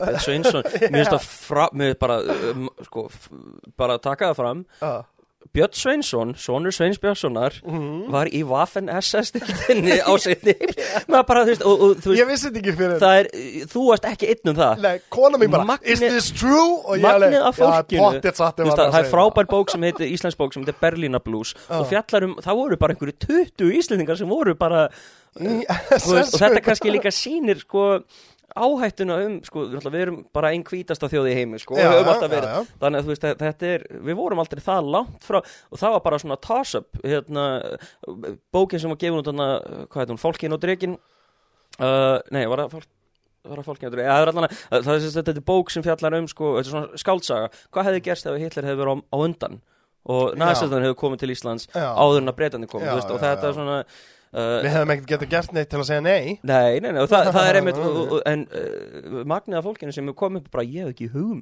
pappi vissi þetta ekki sko, Nei, ekki, þetta- nei, mér, þetta- mér fannst þetta mér, Ok, þannig að Sorry, ég grípi fram í aftur mm. En að bara það að þú komst með þetta Og þú gerði þetta á fyndin hátt að, að Þetta var alveg svona, þegar ég hlustaði á þetta var alveg Ég lærið eitthvað. Og hló ógeðslega mikið. Er gott. Já, and knowing is half the battle. G.I. Joe. Um, En já, snill, það sést þar alveg þú hefur áhuga á sögu já, þannig að ég hérna, hef alltaf reynd að einlega svona, reynd, reynd að gera þetta svona svolítið uh, já, reyna svona að gera þetta svolítið clever. Og Uh, allan, í, sest, þegar við kláruðum uh, þegar ég útskrifast úr hæskóla þá föru, föru ferðin okkar það er alltaf svona útskriftaferð og við fórum til Kína tíu dag, 2007 og það er eiginlega bara kollfjalli fyrir landinu. Og ég held áfram að læra kýmisku, kom heim. Ég ætlaði reyndar að fara í HÍ til að læra kýmisku en HÍ er vist eina fáum skóla, ég hef ekki eini skólin í heiminum þar sem bandarísk mentaskólapróf eru ekki tekin gild. Þannig Nú. ég þurfti að fara í FB og læra íslensku í tvö ár til að geta farið, til, Já, H- farið í já, HÍ já. og lært kýmisku Þannig að hérna, en svo byrja ég, ég tek BA gráðu í kýmisku hérna heima og svo fer ég í masters uh, prófum mitt út í Kína aftur í Peking. Já, Þannig ég tek, já, tek BA gráðu í kýmiskum fræðum og svo masterinn í alþjóða samskiptum út í Peking og það var þar sem ég byrjaði uppistand. Já, Það var nefnilega, uh, uppistand er bara að vaks út um allan heim og það er hérna í Peking uh, er, sem sagt, uh, að var klúpur um, sem heit The Hot Cat já. og það var svona hópur af expats, bara útlendingur sem byggu þarna, bandaríkjumenn og breytar og svona. Og þeir voru með vikulega uppistandskvöld. Já. og þannig að þú varst með sko alls konar svona útlendingar sem bara höfðu gaman að því að fara á svona kvöld og bara allir mæta þarna og allir náttúrulega veist, fyrir vesturlandabúi sem búi í Kína það er svo mikið af crazy shiti sem gerist í Kína Já. og gaman að, svo mikið af efni sem hægt er að gera grína þarna og hérna, svo eru alltaf líka kýmirar sem bara vilja læra ennsku Já. og hérna, ég fór sem sagt uh, að því ég talaði kýmisku þá var ég líka að gera uppistand á kýmisku Já, það, hvernig, hvernig virkar það samt? Það Það fyrir að er- vera svolítið öðri í sig Það er öðruvís. Kína sko er samt sko uh, uppistand, vestrænt uppistand byrjar í raun á sama tíma á Íslandi uh, þannig séð og í Kína. Þú veist, Já. þeir voru náttúrulega, auðvitað var Ísland náttúrulega með, þú veist, fósbaraður og radíusbæður og Já, allt þetta já, og, og alveg, og, ég meina, jú, jú, það voru revjutnar hérna í, hvað var það, gamla bíó 1940 og, en, en þetta svona fara upp á svið og allt þetta svona eins og við þekkjum þetta, þetta Já. byrjar sko bara frekar nýlega Já. og í Kína einmitt byrjar þetta nýlega líka og ég er með svona tímyndur efni á kími sko, bara ákvaða hérna að pröfa mig áfram þar Já. Og náttúrulega þeim fannst bara, wow, þú veist, einhver útlingur hérna að tala kími sko og, og gera og en það er, það er allt öðruvísi sko, þeir uh, hlægi ekkert svona upphátt mikið heldur, það er voða mikið bara svona, Já. bara klappað sko. Já, herru, þannig að mamma er að koma inn með kaffi, Já, indislega konan, Já, já, já. Indislega, takk mamma mín, Takk, hún er indislega, fáum okkur kaffi. fáum smá kaffi hérna. Það verður, það verður, Við við erum eins og kaffibrúsa Ég vil að hann og hérna það var hérna Gísli Rúnar. Gísli Rúnar og hérna það var nú bara, það er eitthvað sem að bara sko eldist, e, veist, mjög við, bara eins og gott í vín sko það. Er eins og fósbræðu þættinir, uh, gömlu. Þú veist, það er svona íslensk grín, íslensk grín virðist eldast mjög vel. Það er svona heppilega. Flest, sko, ég ég fór að mynda að hlusta á hérna tíu og konunglega skemmtun og hugsaði bara með mér hefðu þið gert þetta í dag Já, já, eins og við tölum um PC, sko, það er Já. bara sömt sem að hefði aldrei virkað, það hefði aldrei virkað þetta. En Eitt besta hérna, sketsi frá fósbræðin sem hefur elst mjög vel, sérstaklega aðdraðandar á klustumálinu, var hérna, uh, í samf, uh, hvað var það, félag íslenskra dónakalla. Já, Það var bara, ég sem með mig bara þegar það kom, það er þetta að vera dónakall í dag, sérstaklega út af þessum kettlingum, þegar klustumálinu kom, ég deildi þessu á Facebook og þú þurfti í rauninni ekki einu svona að útskýra hvað ég var að vitna allir bara, já, já, já, þetta eru þeir, já, þetta eru þeir. Og, hana, og til að taka það fram það að víst að hún nefnir klaustusmálið þá uh, hugsalega næsti gestur eftir þér verður Bára, Dafni. nei, ba Bára Haldós hún ætlar að koma, hún ætlar að koma og þannig að það verður fyrst í svona pólitíski þátturinn, ég er nú ekki að fá hún út að pólitík nei, eitthvað svona en hann er mjög áhugaverið karakter. Og þar á eftir ætlum við að bjóða Sigmundi og öllum þeim Já. að koma og svara fyrir sig ef þeir hafa áhuga. Sendir hann hérna fyrir, fyrir hausa þess að spurningalista sem þú mátt hérna Nei, ég meina þeir geta komið og sest niður og rætt með okkur, okkur en hins vegar upp á móti að ég Þú verður að hafa bjór. Að- Þú verður að, verður að bjóða bjór. Ég veit að þú ert svo góður hérna eftir nokkra bjór. Já, er ekki að losa þessum kallin Við veit að, að ná í síma minn hérna. Já, ok, bara þegar þú ert tilbúin En hins vegar upp á móti, sko, þá hef ég mei, þá, hef, þá held ég að það komi miklu meira, sko, svona slander um mig í fjölmiðlum og eitthvað. Þessi Elvar, hann var bara dópust í mörga. Það kom frekar bara eitthvað svona heldur en að þeir vilja að kærður á koma. núleitni bara Já, já, akkurat. Eða upptökum Eið, veist, það, það er líka svolítið svona gott dæmi um bara hvað þeir eru out of touch með uh, bara tækni Já, Þú veist Eða upptökunni Þetta, þú veist, það er allir búin að heyra þetta já, já, já. Þetta er ekki svona að þetta, þetta fari af the face of Nei. the earth ef hún eyðir þetta á símanu sínum Nei, nei, nei. Þetta er komið á og allir voru að kommenta líka bara hvað ég þá gerir við mínu upptöku sem ég, gef, sem ég nota sem ringitón. Kunda, kund Æ, Mér varst nefnilega svo frábært það sem hérna það sem hugleiku gerði þannig að það er að teikna það að færa stólinn og það er að gera rispa stólinn svo uh, það er alveg hóra Ég, uh, ég man, ég, ég svona gera stundum, ég, ég svona leik mér að því að gera svona falsfréttir sko, Já. svona fake headlines Já. og þá gerði ég einhverja headline eftir þetta sem var hérna uh, Sigmundur Davíð telur að hljóðið í stólum hafi verið snareðla sem átti leið fram því að, því að sko útskýringna voru alltaf klikkar og klikkaðri sko. Það, það var sko veist, og, en, og málið það að, að eitt sem nefnilega ég verð að segja með, þetta mál og ég segi alltaf ef þeir hefðu bara sagt að við bara fucking drullum upp á baki ég, ég trú ekki að ég hafi hafað með svona ég þarf einhvað að fara að skoða sjálf á mig þá þarf ég byrst innlega afsökunar á, fyrir alla starfsmennir og eitthvað svona þá var ég alveg "Ah, Já.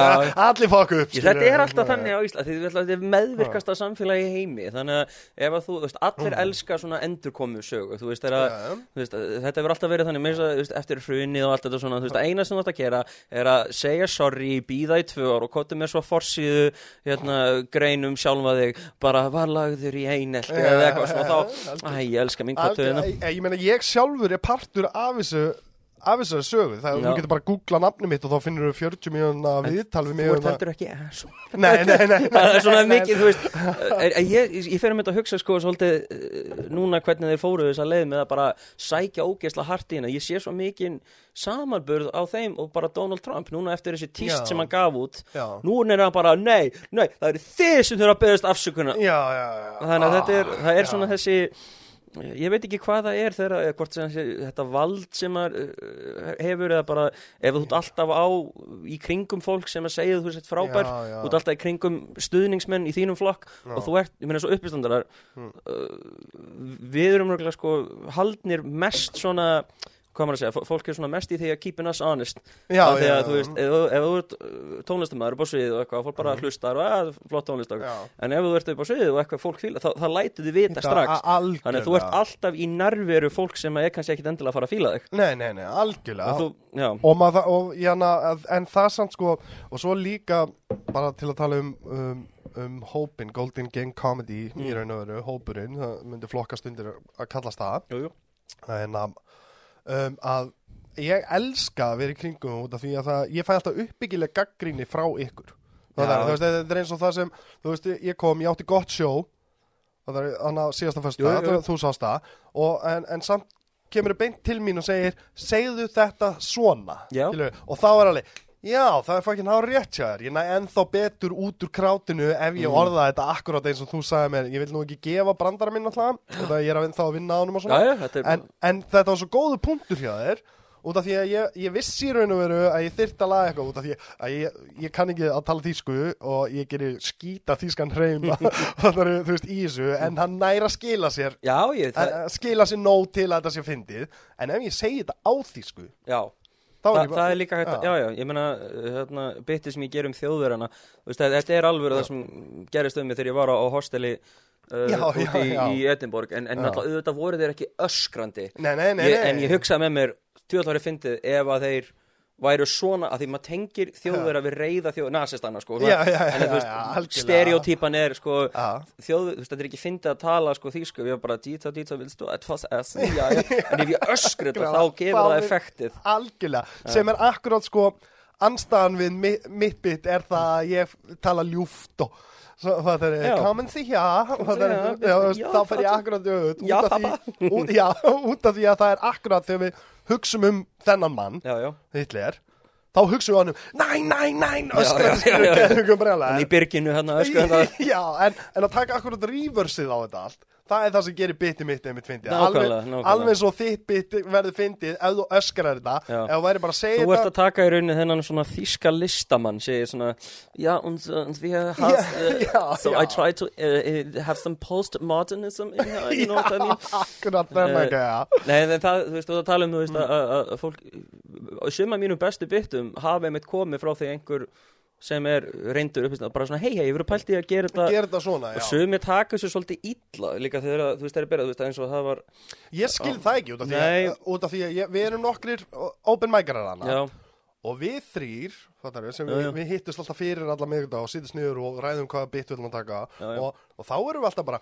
ennið þú prófur að gera, segja þetta, við erum alltaf að, að reyna að byggja einhvern annan upp og ég þannig líka, virkar ég, þú veist, ég, ég talaði við eina hérna, stelpu sem að sagði, sko, hún henni fannst þess að hérna, allir voru að mansplaina hvernig hún ætti að gera komið Nei, þú veist, það er ekki þannig, það gerir þetta allir við alla Líka því að þú sko, glögt ekki að söga Ég meina, Hmm. þú ert kannski búin að byggja upp eitthvað byggt og þú leggur svo mikla áherslu á að uh, leggja það á minni, sko. Já, já.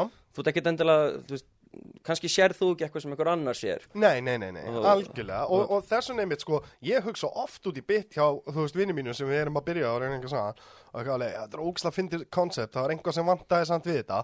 Og svo alveg, já, ef það myndi segja þetta skilju, þá sendi ég bara á hann, ei í þessu brandara, en þú myndi prófa að segja þetta, skilju Já, þú, þú veist, mér finnst það bara sjálfsagt út af og ég vil fá þetta frá ykkur út af því að ég vil gera sem besta á remninu mínu og sérstaklega, þú veist, eins og ég segi, ég er þrjá mánuði inn í, í, fe- í fe- ferilinn minn En nýttu, nýttu það fyrsta árið með að þú ert aldrei jafn duglegur að skrifa og fyrsta árið þitt. Já, að því þú ert bara, eins og sagði í byrjun þú ert bara, þú veist, þetta er nýtt fyrir þér þetta er bara, þú ert í, þú ert í hérna honeymoon feysinu sko, já, algjörlega, ég er þar sko. þú ert ekki búin að fá gaggrinin en þú ert ekki búin að fá þessi sko oh, Blowback Já, nei, ég menn þess að ég var að tala um hérna á frinshátiðinu sko, þegar að, þú veist, fólk var að ekki alvöru gaggrindi, fólk sem hefur komið á sjóið var, Hmm. það var einhver sem sagði, hérna, sýningin hétt Cold as Iceland ég nota saman nafnið í albuminu um, uh, einhver sem veist, og myndin er þannig, þetta er pósterinn hérna, á sýningunni, þetta er sagt, ég veit nú að kredita hann inn að Þórald Þólason við vorum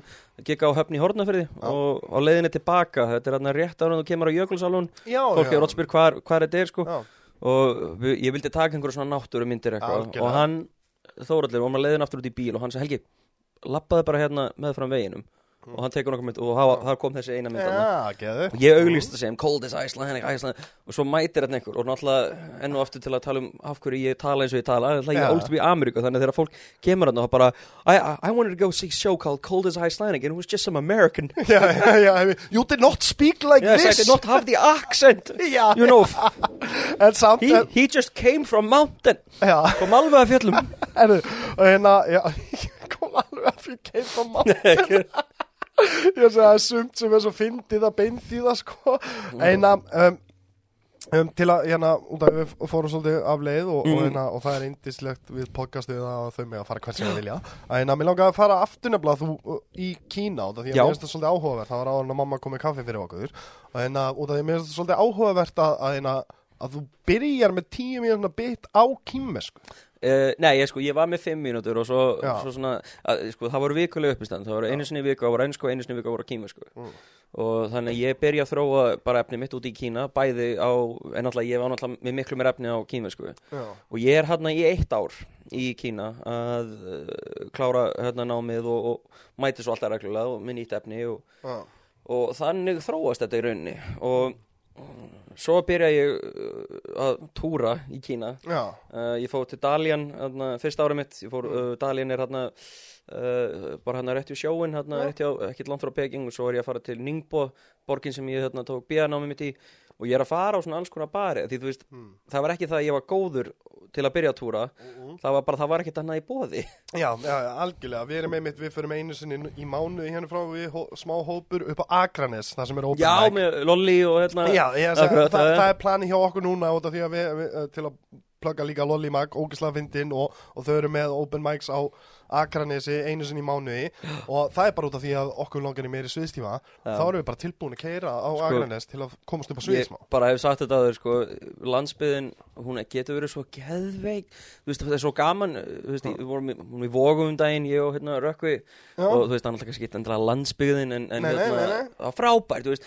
Og, og við fórum á hérna í ferðinni þegar við tókum myndina hann fyrir pósterinn, Já, já, vorum á höfn í hortnafyrir þess að deginum undan. Já, og það var einhver sem sagði við okkur hérna sko, ja, eftir sjóið, þeir bara, þeir salurinn elska þetta sko, þeir Já. sagði bara jafnvel þó þau hefur verið ömulegð, þá þau samt leið því þetta er einu uppistandir sem er komið í þrjú ár. Já, það er, fólk vil fá, fólk er, fólk er komið til að skemmta sér. Akkurat, og til að hlæja og hafa gaman ég líka og, þú veist að því fólk, ma- maður sér kannski náttúrulega í Reykjavík að fólk er orðið svolítið uh, dekra sko, það, Já, það, já, er já. uppistand hverja einasta kvöldi. Já, En þú fer út á land, þú veist, við fórum, við haft gekka á Mælifell, gekkum á Mælifell á Já. Söðokrók, uh, vorum að líka, þú veist, ofta á Græna, hættum hann Akureyri, já. uh, þú veist, þetta er, þú veist, þetta er einmitt staður sem þetta er ekkert svo oft, Nei, sko. nei, nei, Þannig þegar loksins einhver kemur, þá er, þeir, þeir svona kunna meta það svo miklu meira. Já, algjörlega, þú veist, og, og það er líka þú veist, eins og það, ég verð samt að gefa sko eins og Reykjavík eins og segir, það er svolítið degrað og svona Mhm. en, en hins vegar upp á móti eins og ég segi, þá á, síðastu fyrsta voru bara nánast, það voru bara Íslendinga Já, og, og síðan var tveir frá Kanada og þrýr frá það, og síðan restinn og stútfullt hús stútfullt hús. Það var mjög, ég var svona, ég djókaði með í byrjun og sagði bara, hérna, já, já, túristabólun er sprungin. þetta já, alltaf verið já. 90%, ekki 90%, kannski svona, ég myndi segja 60, 40, 70, 30 Já, já, túristar í vel. Og, og hérna náttúrulega Arnónd aðeins náttúrulega með hennan brandarum að hérna, við erum eini eini klúburinn í heiminu, eða ekki í heiminu kannski, en, en sem, sem er að keppa við norðurljósin. Sólin- já, við norðurljósin. norðurljósin hann lappar já. út og sér skí bara, að það var gott sjá í kvöld. Þá er allir, færði þetta Algjörlega Uh, en það var bara, þetta var rosalegt að sjá þetta. Náttúrulega kannski margir í sömafríum núna. Mm. en þetta voru bara allt ísling og þau þetta var bara, það var engin að tala það það var ekkert svona þetta vikinga, hérna uh, commotion, sko, engin að tala of hátt. Og allir bara sáttu bara og horfðu og hlóðu og bara og höfðu frá voru að hafa gaman og því líka stuðningur og kráti á memmanni allan tíman og, og, enna, og ég vil bara hrósa öllum ef einhverjir sem voru á sjónu hlusta á þáttinni, ég vil hrósa öllum þetta er allt til Íslendingum. ykkar. Já, þetta er samt í alvörinni út af því að maður maður hefur farið á sjó Uh, því miður þá hef ég líka verið dólgur einu sinni var ég alltaf fullur. Þú veist, ég ætla ekki eitthvað að spila mig uh, eitthvað saklisa, ég hef verið þessi fáti sem trubla sjó í raun og veru. Mm.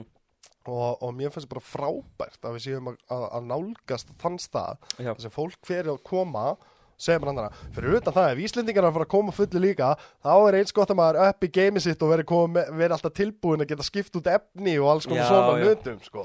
Nei, ég meina líka það er bara uh, þú veist, eins og ég- til að tala um aðan af hverju í öskra og svona snundum í uppistandinu mínu þetta var einmitt út á, á gauknum sko þegar fólk var bara svo ógæslega hávært Já. og það var engin eh, að þakka niður í þeim. Nei, nei, Við vorum ekki með engilin okkar Davíð þarna Já. í, hópnum.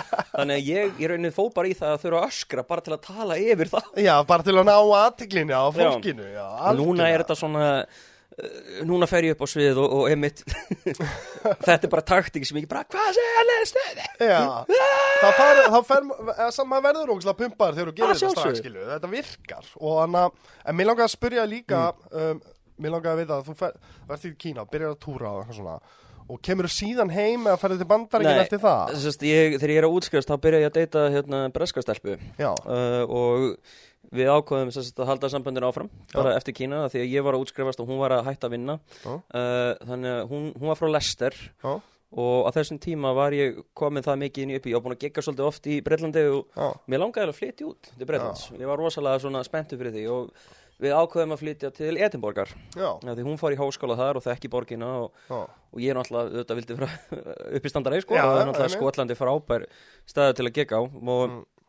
Og við flytjum hann út og ég byrja að vinna sem bar þjótt í þrjá mánuði og, og fer svo að vinna á hérna, snekkju Elisabetta drottningar hérna, fyrir um snekkjunni sem hún átti. What? Já, það, það, það, það er skip í Edinborg sem er núna bara, veist, þeir hættu að nota það 97 Já, en þetta er bara, þegar Elisabeth drottning fór í heimsók bara til Ástralíu eða eitthvað já, út um hefn, þá fór hún á þessu skipi sem heitir The Royal Yacht Britannia. Ah, og, og þetta er í Edinborg hérna og ég, ég fekk vinnu þar uh, bæði til að díla við túrista, kýmverska já, túrista já, já. og, og bara svona, þetta var bara mjög skemmtileg vinna Mm. en þannig ég var hérna í eitt ár og svo hættu við saman hérna eftir eitt ár og ég flytt aftur heim Mm.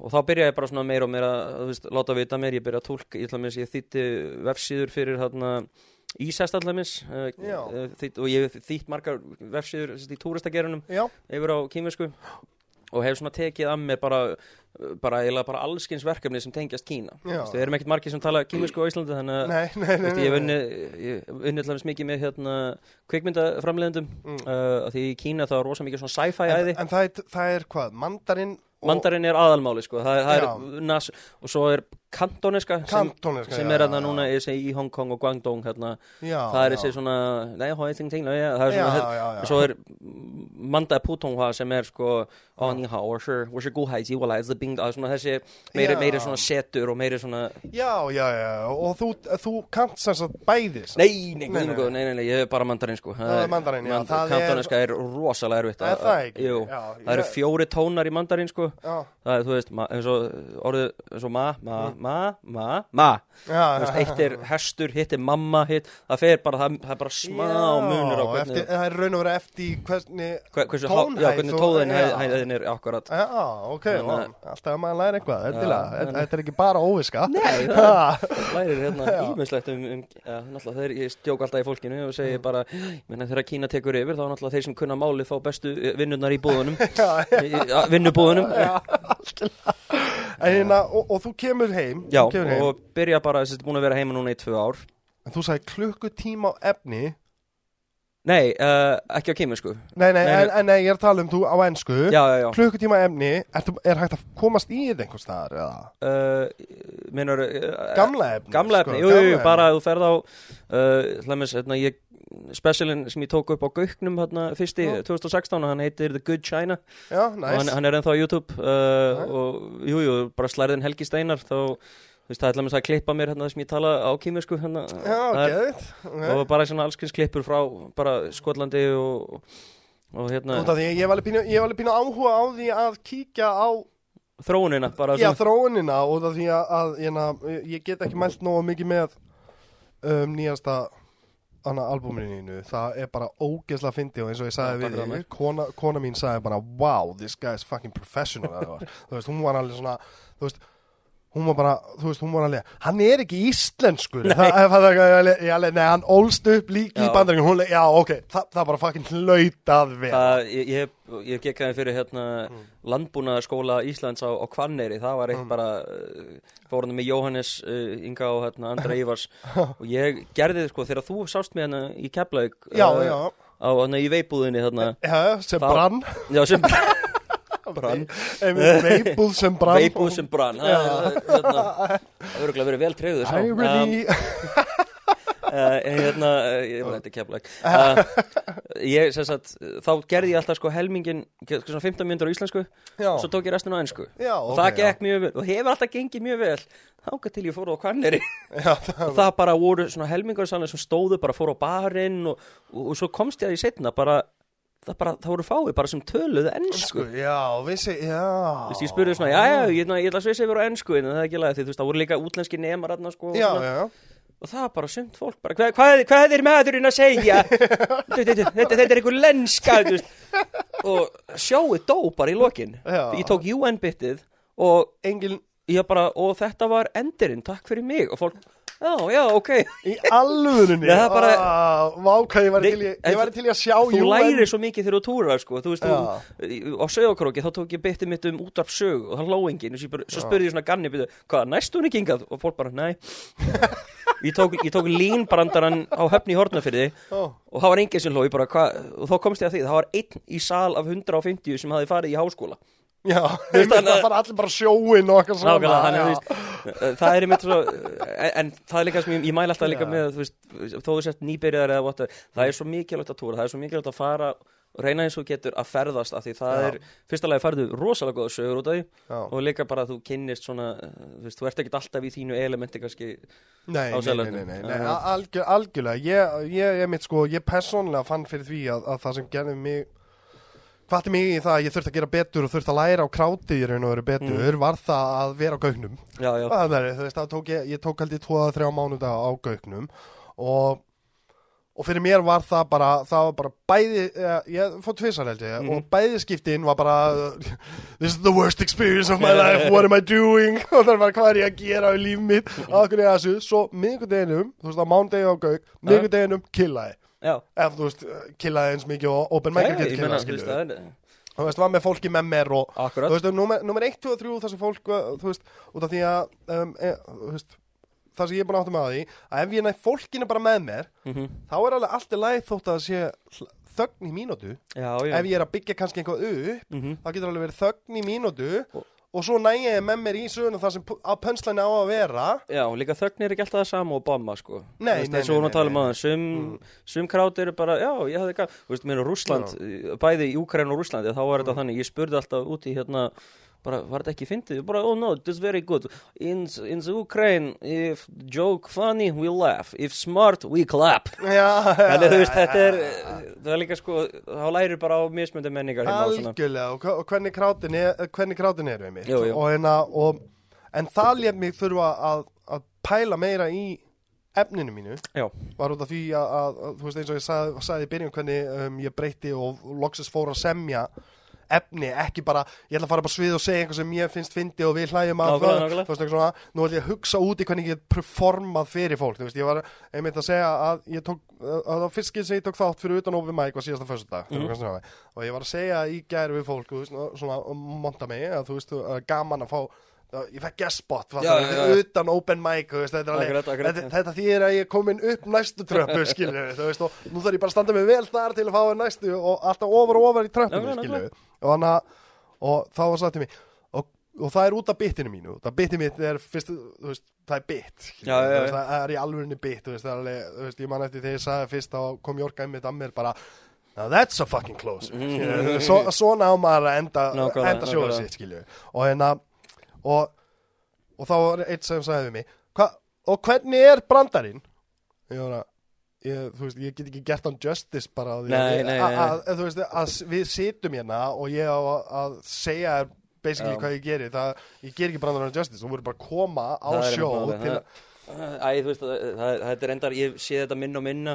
Fólk Mm. er bara, oh, Tommy joke then. Þú veist, þetta er svona, segja brandara Þú þetta er, þetta þú er ekki þú þarft það. mikrofón, þú þarft, þú ert sa, þegar við vorum að plugga hérna Reykjavík uh, Comedy Festival 2015 já, uh, þá mætti ég í sagt, viðtal á stöð 2 Mm. og það var ég og einn annar hérna, strákur, við vorum að, sagt, að að plugga þetta. Mm. og sagt, þeir vildu sína brot úr uppistandunni hjá okkur. Já, þannig að þeir senda okkur niður í fundarherbyggi já, og hófuðu saman einhverjum tíu starfsmönnum Mm. klukkan, þú veist, 11 um morgunin já, og fengur sér sæti og bara, jæja, go for it. Og þá bara stóð ég fyrir framann blá etru fólk klukkan 11 um morgun þetta leði, þetta var eins og A-fundur og ég átti að vera með fyndin og það hló náttúrulega enginn og þeir síndu þetta. Nei. Ég, og, og hann þurfti að segja á undan sko, bara já, við að taka það skýrt fram að þetta var tekið upp klukkan 11 um morgunin enginn náttúrulega búin að fá sér bjór. Og þannig ég svona eitthvað og þá uh, sagt, kom smá svona já. en þeir köttuðu það út. Þetta var svona er svo þú að tala við bara Þannig ég svona, Já, ég mæti bara eins og einhver gæi bara sem mæti bara krassar einhvern að fundið eitthvað bara fyrir að segja eitthvað og svo bara köttað út þegar að, Oh my god, ég er að segja það er nefnilega, þú veist, og, og hérna, út af því að mér fannst þetta sko, ég elska þetta, ég hef alltaf elskað þetta, þú veist, ég hef alltaf, þú veist, um, þetta er sko, þetta listform Já, er svo einstakt listform, þú veist, þetta er alveg, þú getur verið ógeðslega fyndin mhm, en fucking ömulegur uh, uppstandari. Það, þú getur Það er samt, alveg, já. sa- samt getur komið á svið og við og erum bara allir bara, bara öskandur og látir og þetta er að fara á svið, og þetta er bara, oh god. Meina, Hvað er bara gerast, þetta er, þetta er algjör anstæð Ég meina, sumir líka hafa bent á þetta Mm. að, þú veist, halda uppistandari upp á sviðið þá hann sé gett vinalegur og bara svona svo fer að sviðist, þá er hann rosalega mikill introvert, bara þóra ekki að tala við neitt Algjörlega, já, veist. það er margir sem eru þannig Það er mikið af það sem knýr fólk áfram í uppistandi er kannski bara það að þeir fengu ekki ástina í æsku sem þeir þurftu eða voru kannski veist, það, flest, það eru ég myndi örgulega þóra að fara með það að meiri hluti uppistandara í heiminum hafa átt einhverja æsku sem var til þess að þeir allan annarkvort þurftu um, að skera eitthvað til að fá ást, aðtigli og ást frá uh, random fólki Ég, bara, ég, ég, einmitt sko, þú veist, það er, að ég, nú, ég kem nú frá eins og hitti mömmu mína frá mm. fólki og, og allt það, það var allt í toppmálum þar, en ég hins vegar barðist við uh, fík vandamál frá Já. mjög ungum aldri og þar kemur dementia, eða sem sagt, damageið já, já, mitt út, skilur þú veist, að ég, ég keiriði sjálf á mig í það mikið botna að, að enginn elskaði mig og ég elskaði mig ekki sjálfur. Mm að fattar, það er ábygglega hluta því að af hverju ég verð að fara og fá fólk til að hlæja og, og þú veist, þar kemur þessi þörf allt einu upp, Jú, jú, veist, og, og það, það- það kemur alltaf frá einhverjum stað. Það, veist, ég myndi að örgulega telja hjá mér uh, bæði, bæði skilnaðan og einheltið þarna í grunnskóla.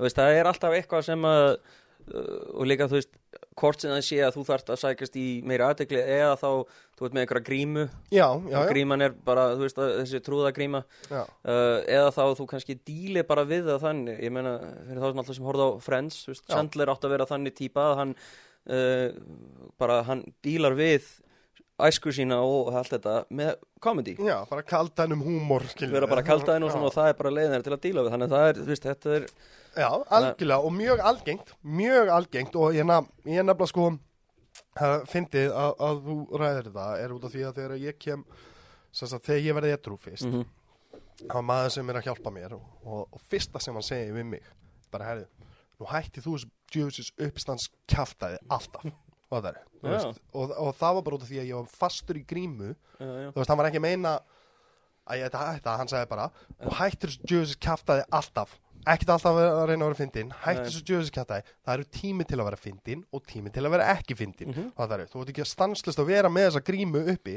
Já, ég þurfti að læra að hætta já. að reyna að vera bara alltaf fyndin í öllum augnablikum og alltaf, þú veist, einhvað svona. Þess vegna getum við, og núna veit maður nú Já, er já. ég búin að læra með árunum núna getum við talað alveg nótum eins og við vorum að fara út í einelti og, Já, já. og æsku og þú veist, af hverju við þurfum uh, þú veist, við höfum þess að þörfi að gera þetta Það er alveg rétt, ég meina, fyrir marga er einlægni bara eitthvað sem þarf að læra já, Já. já, Horða á gömul Robin Williams uh, hérna, viðtöl Já. Hann þurfti alltaf að vera á 120 já, bara já, alltaf, það- alltaf já, og það var bara uh, þessi sko gríma sem bara kerðan út og bara út á endanum Já, já. og nei, þetta er alveg, þú veist já, það er uh, fyrir marga sko er uh, ég, fólk hefur sagt við mér sko ofta ég, ég er ekkit endalega í því að hleypa öllum að. Já, og þú veist, það er alveg fullt af, af hlu- hlutum bara úr æsku sem maður er ennþá til eins og, já. eins og þú myndir kannast alveg við sjálfur. Já, og hérna, en þetta er bara, þú veist þetta, þetta er journey sko, þetta er ekkert endilega spretthlaup og Nei, nei, nei, það að, að það er nefnilega einmitt, þetta er allt sko, allt tekur sinn tíma. Þú þarfst að læra á þú veist, og, og svo stundu þarftu líka þótt að ég segi við þig að þú leipir ekki fólki að, þú leipir Mhm. ekki fólki að.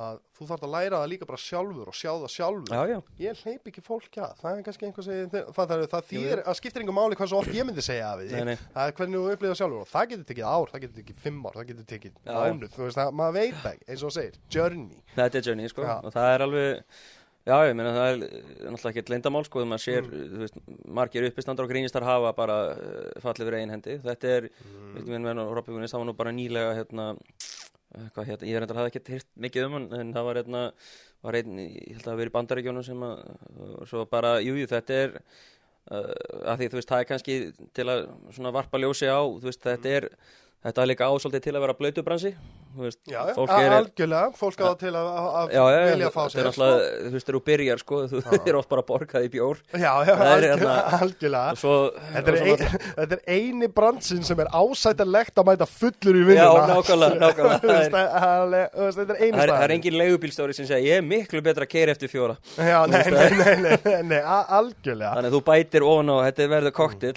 for lack of a better term, Já.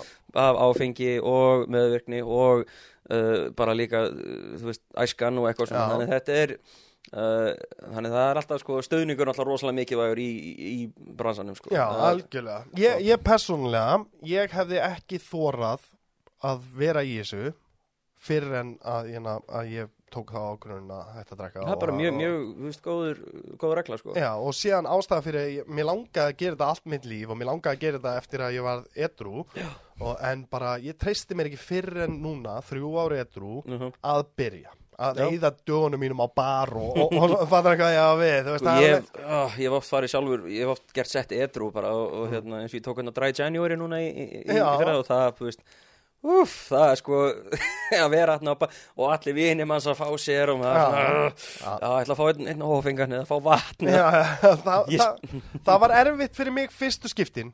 Nú er ég einhvern veginn orðin bara vanu í Jú, jú, Eða fattar hvað ég að við? Jú, að, að, að vita allir að strákunum að ég er etru og eitthvað svona að, að, að það er, þú veist, það er aldrei bóðið mér upp á bjór eða neitt Nei, nei, þannig nei. eða neitt svona, þannig ég er ekkert með eitthvað stanslist í andlitur á mér og ég bara þú veist, fyrst var þetta alveg erfitt út af því þá er maður líka kvíðnari og stressaður og farið bara svið og allt svona og þá var þarft- þú þarft að Dutch Courage hérna. Já, já, já, já, akkurat. En, en síðan núna þá er það bara þú veist, ég bámaði svo oft í byrjun já, þótt að, sko, þótt að sumir koma að mér og sagði þetta var frábært, það er fæst fólk til að hlæja og eitthvað svona, þá horfði ég alltaf á þetta svo, ég horfði eiginlega, mér líður enda daginn í dag eins og ég hafi bara það bámað er engin, já, harður gaggrinn og þú Já, sjálfur, það- sko. það er alltaf, við vorum að tala um það við getum, alltaf, við getum ekki hlustað að horta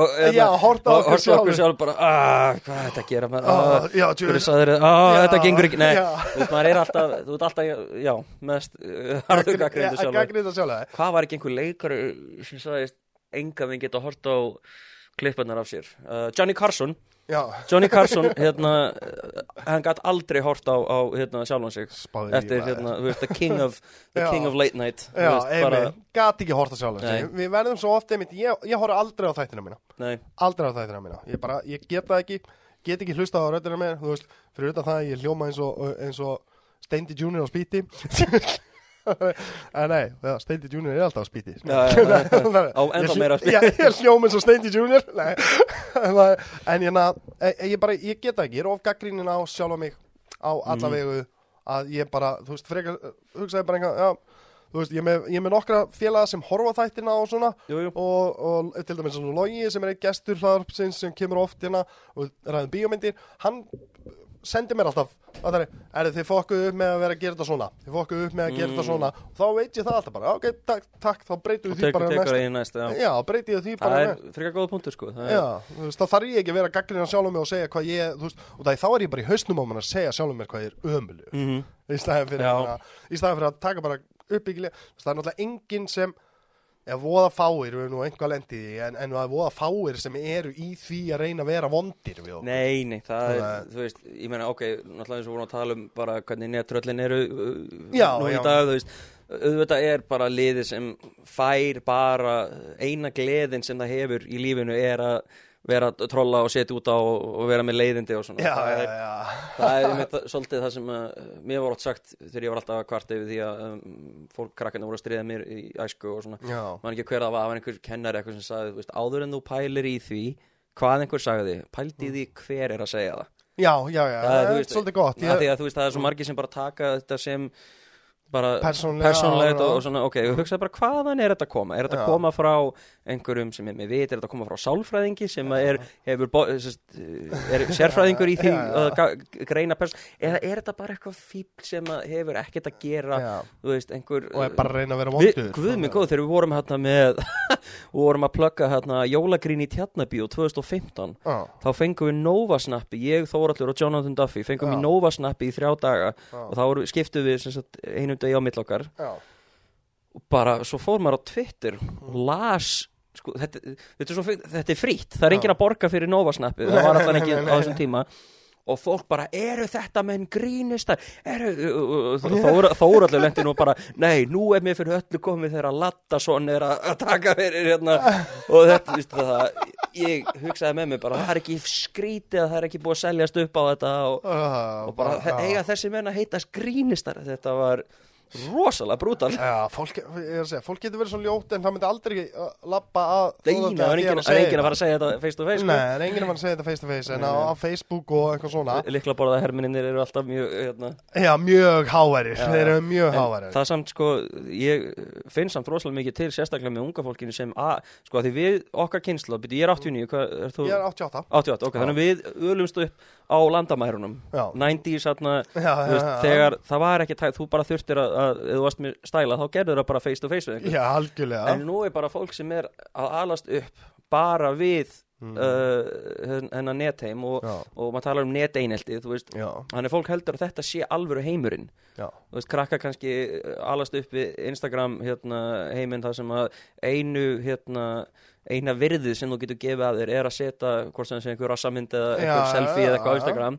og, ta og þú flott tagga alla og tagga hérna, hashtaginn þannig að þú fáir sem flest áhorf. Já, en náttúrulega það er bara starffræðileg útreikningur að Já. því fleiri sem horfa því fleiri munu verða uh, vera að fá þetta og vera með stæla. já, og þá lestu þetta og þetta er eina uh, sjónin sem þú hefur af raunveruleikanum. Já, og þú heldur að þetta sé alvöru heimurinn. Já. og þarna er fólk sem er bara að segja rosalega ljóta hluti um mig. Já, og náttúrulega þú veist, ungleikar, náttúrulega maður heyrir sögur af ungleikum sem bara, þú veist, áfara sig já, það er bara að fremja sjálfsmorð út af þessu út af þessu sko. Þannig að þetta er já, þetta er rosalega svona, þú veist, þetta er svolítið klikkað tími að vera uppi sko Ég veit Að- það, en þú veist, en spáði hvað við samt eins og segir, við, okkar kynslu, við erum Mhm. svo hefnir, eins og, eins og ég, ég er búin að taka ákvörðun, við erum náttúrulega að reyna að byggja upp einhvað, eh, einhvað, þú veist, uppbyggilegt og kreatíft með Mhm. podcastunum og svona, þannig, og notum samfélagsmiðla mikið í gegnum það. já, já, Um leið og ég er búin að ná að byggja upp x stóran áhörundahóp Já, og, og, og þar sem við vitum að,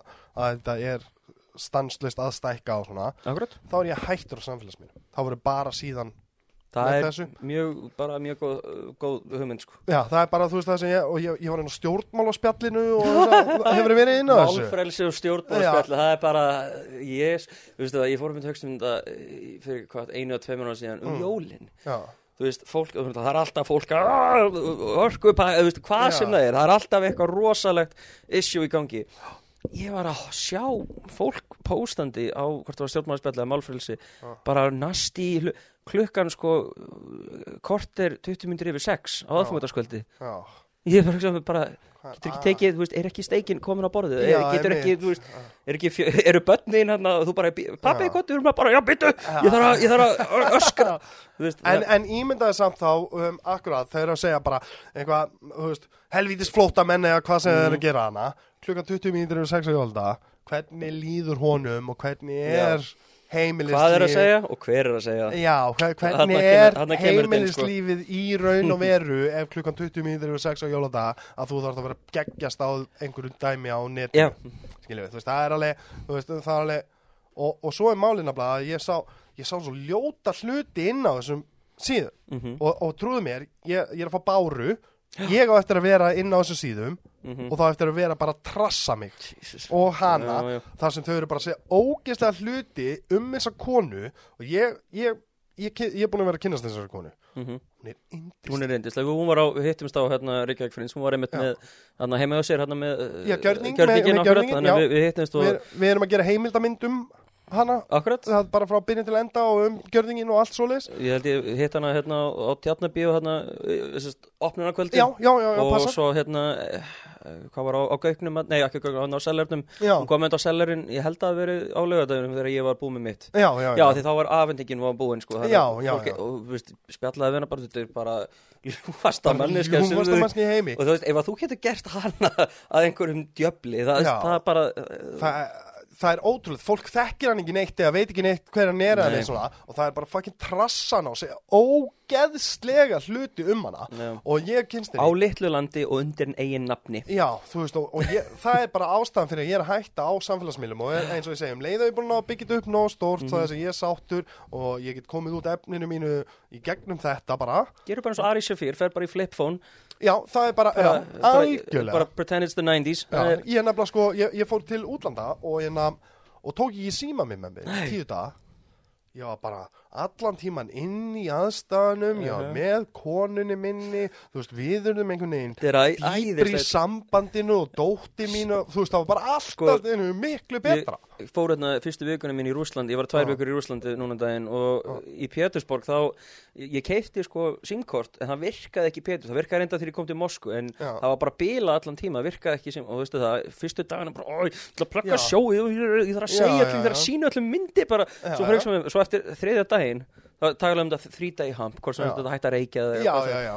Þá leið manni æðislega Ég var bara, ég var að horfa, ég tala við fólk bara face to face og svo, Já. svo hugsaði með mig bara, þú veist, uh, hvað gerði ég alltaf áður en að ég var alltaf svo mikið í símanum? Já. Jú, ég, ég ferðast alltaf eitt sko, já, bara lappaði nokkuð bar bara og byrjaði bara, þú veist, datt inn á spjall með fólki og var ekkert enda, því þú veist, Nei. þú ferð alltaf aftur í þennan, uh, já, hvað var einhver að, já, um leið og er líður pínu óþægilega með að gera ekki neitt skilur Mhm. segjum þú sért í byðstofu til dæmis eins og maður stöfti byðstofum eins og þurftum maður að setja bara í byðstofu og, og þá er það bara eitthvað þú takir þetta blaði eða, eða hvað er þessi mannski að gera? Og byrja að spjalla bara við hana út á Mhm. varðan og eitthvað svona. Núna um leið og ég lendi smá svona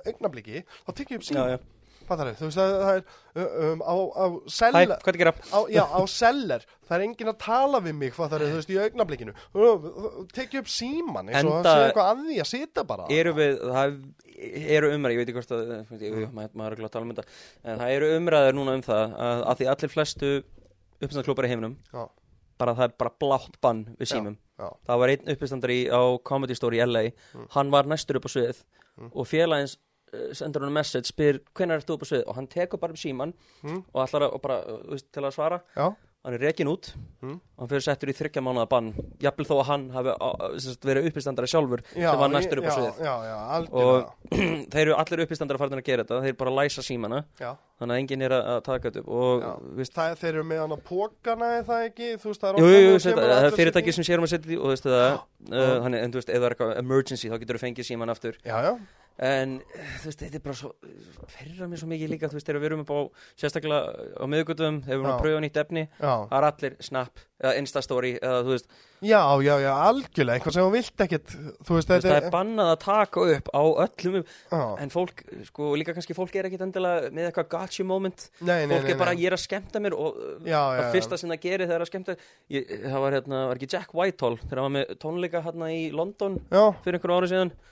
Og þá tekur hann upp síman og ert með síman bara sínaði svona, Já. uh, skildi minn eftir hérna myndi ekki frestast, hann sagði this show is this big. Já not this big. Já, já, já. Þú veist þessu svo bara, já. svo Þú veist, ég meina, jú, jú Þetta gamla specialum hjá Louis C.K. talaði um það. Why, þú veist the, Look at your child, it's totally HD Þú veist, þú ert aldrei að fara að horfa á Já, Vídeó af einhverju sem þú mistir af í fyrsta skipti sem það gerðist.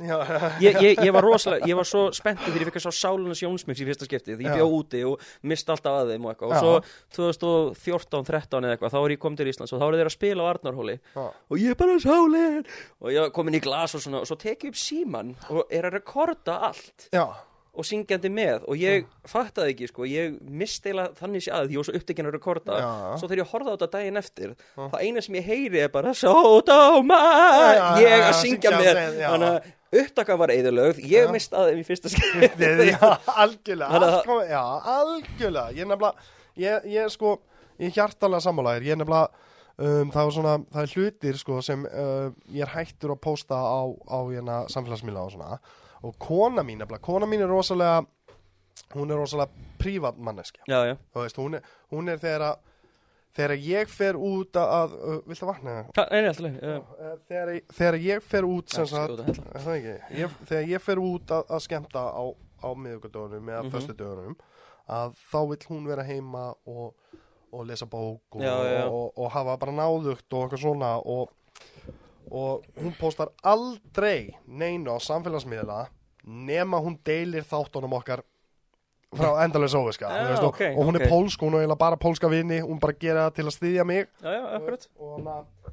og en, en hún, hún sagði eitt við mig hún sagði ég sitt aldrei myndir þú veist, út að ég á það til að setja myndir af, af dóttur okkar, skilju, Mhm. þú veist, ég, ég, ég er búin að vera pappi núna í tæp tvö ár þú veist, hún er tíu ára gömul Já. og þetta er bara svona það besta sem hefur gerst fyrir líf mitt var þessi stelpa, þú veist, það er, mér langar alltaf að vera geða góð fyrirmynd fyrir hana já, og, akkurat. og hérna og, og hún er alveg obsessed á öllu þessu þáttur þetta takk upp þátt nummer 16 þú veist, það var alltaf hennar finnst það ógeðslega spennandi. Má ég horfa á hann?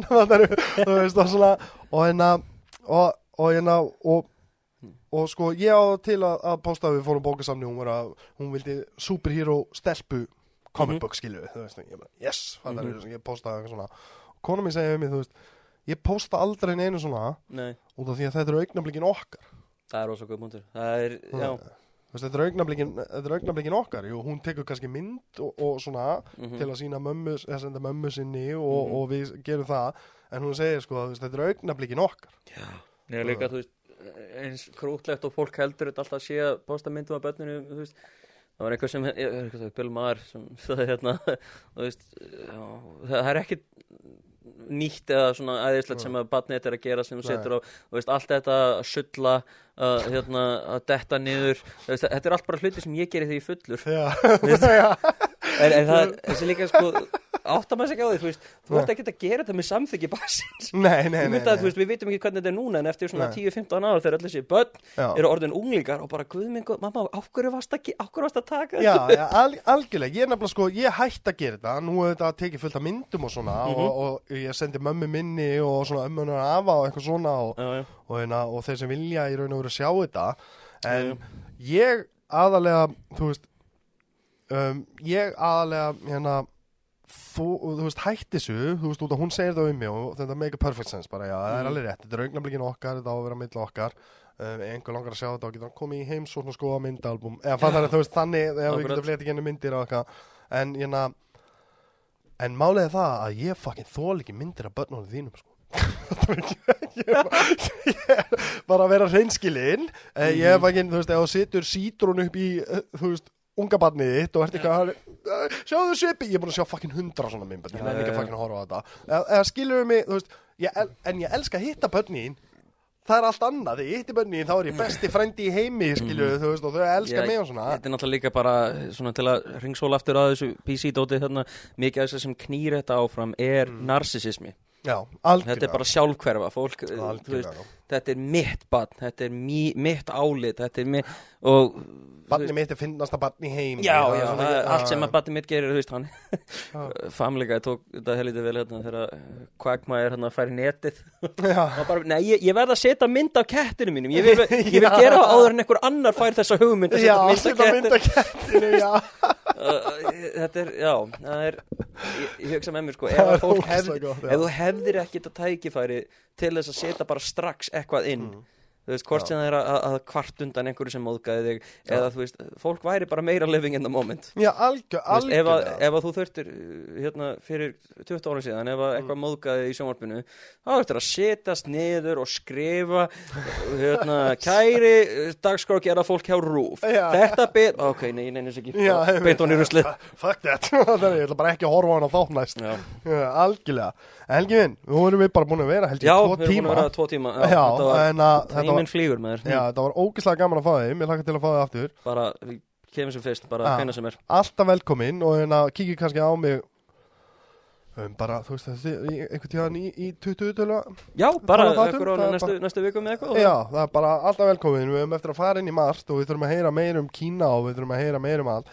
En við ætlum shamelessly að plugga núna smá Uh, Þóttu við séum búin að vera að gera það stanslust í gegnum þáttinn fyrir þá sem er að joina okkur núna. Já, já, en hérna, segðu okkur um, hvar, um, like page-it og, og Já, allt sem þú vilt plugga. um, sem sagt, uh, ég er með, uh, ég nota reyndar oftast bara mína Facebook síðu þegar ég er að promóta sýningar. Já, en það er bara Helgi Steinar Gunnlaugsson. Getur fundið á Facebook. Um, á hérna Helgi Steinar Comedy er sem sagt uh, Helgi Stones er ég á Facebook og Instagram og Snapchat um, og hérna líka það er síðan minn á hérna YouTube. Já. eða þú veist, eða þú vilt sjá okkur á YouTube að Brastlærin Helgi Steinar. Um, ok, við, við setjum link á rásina hérna.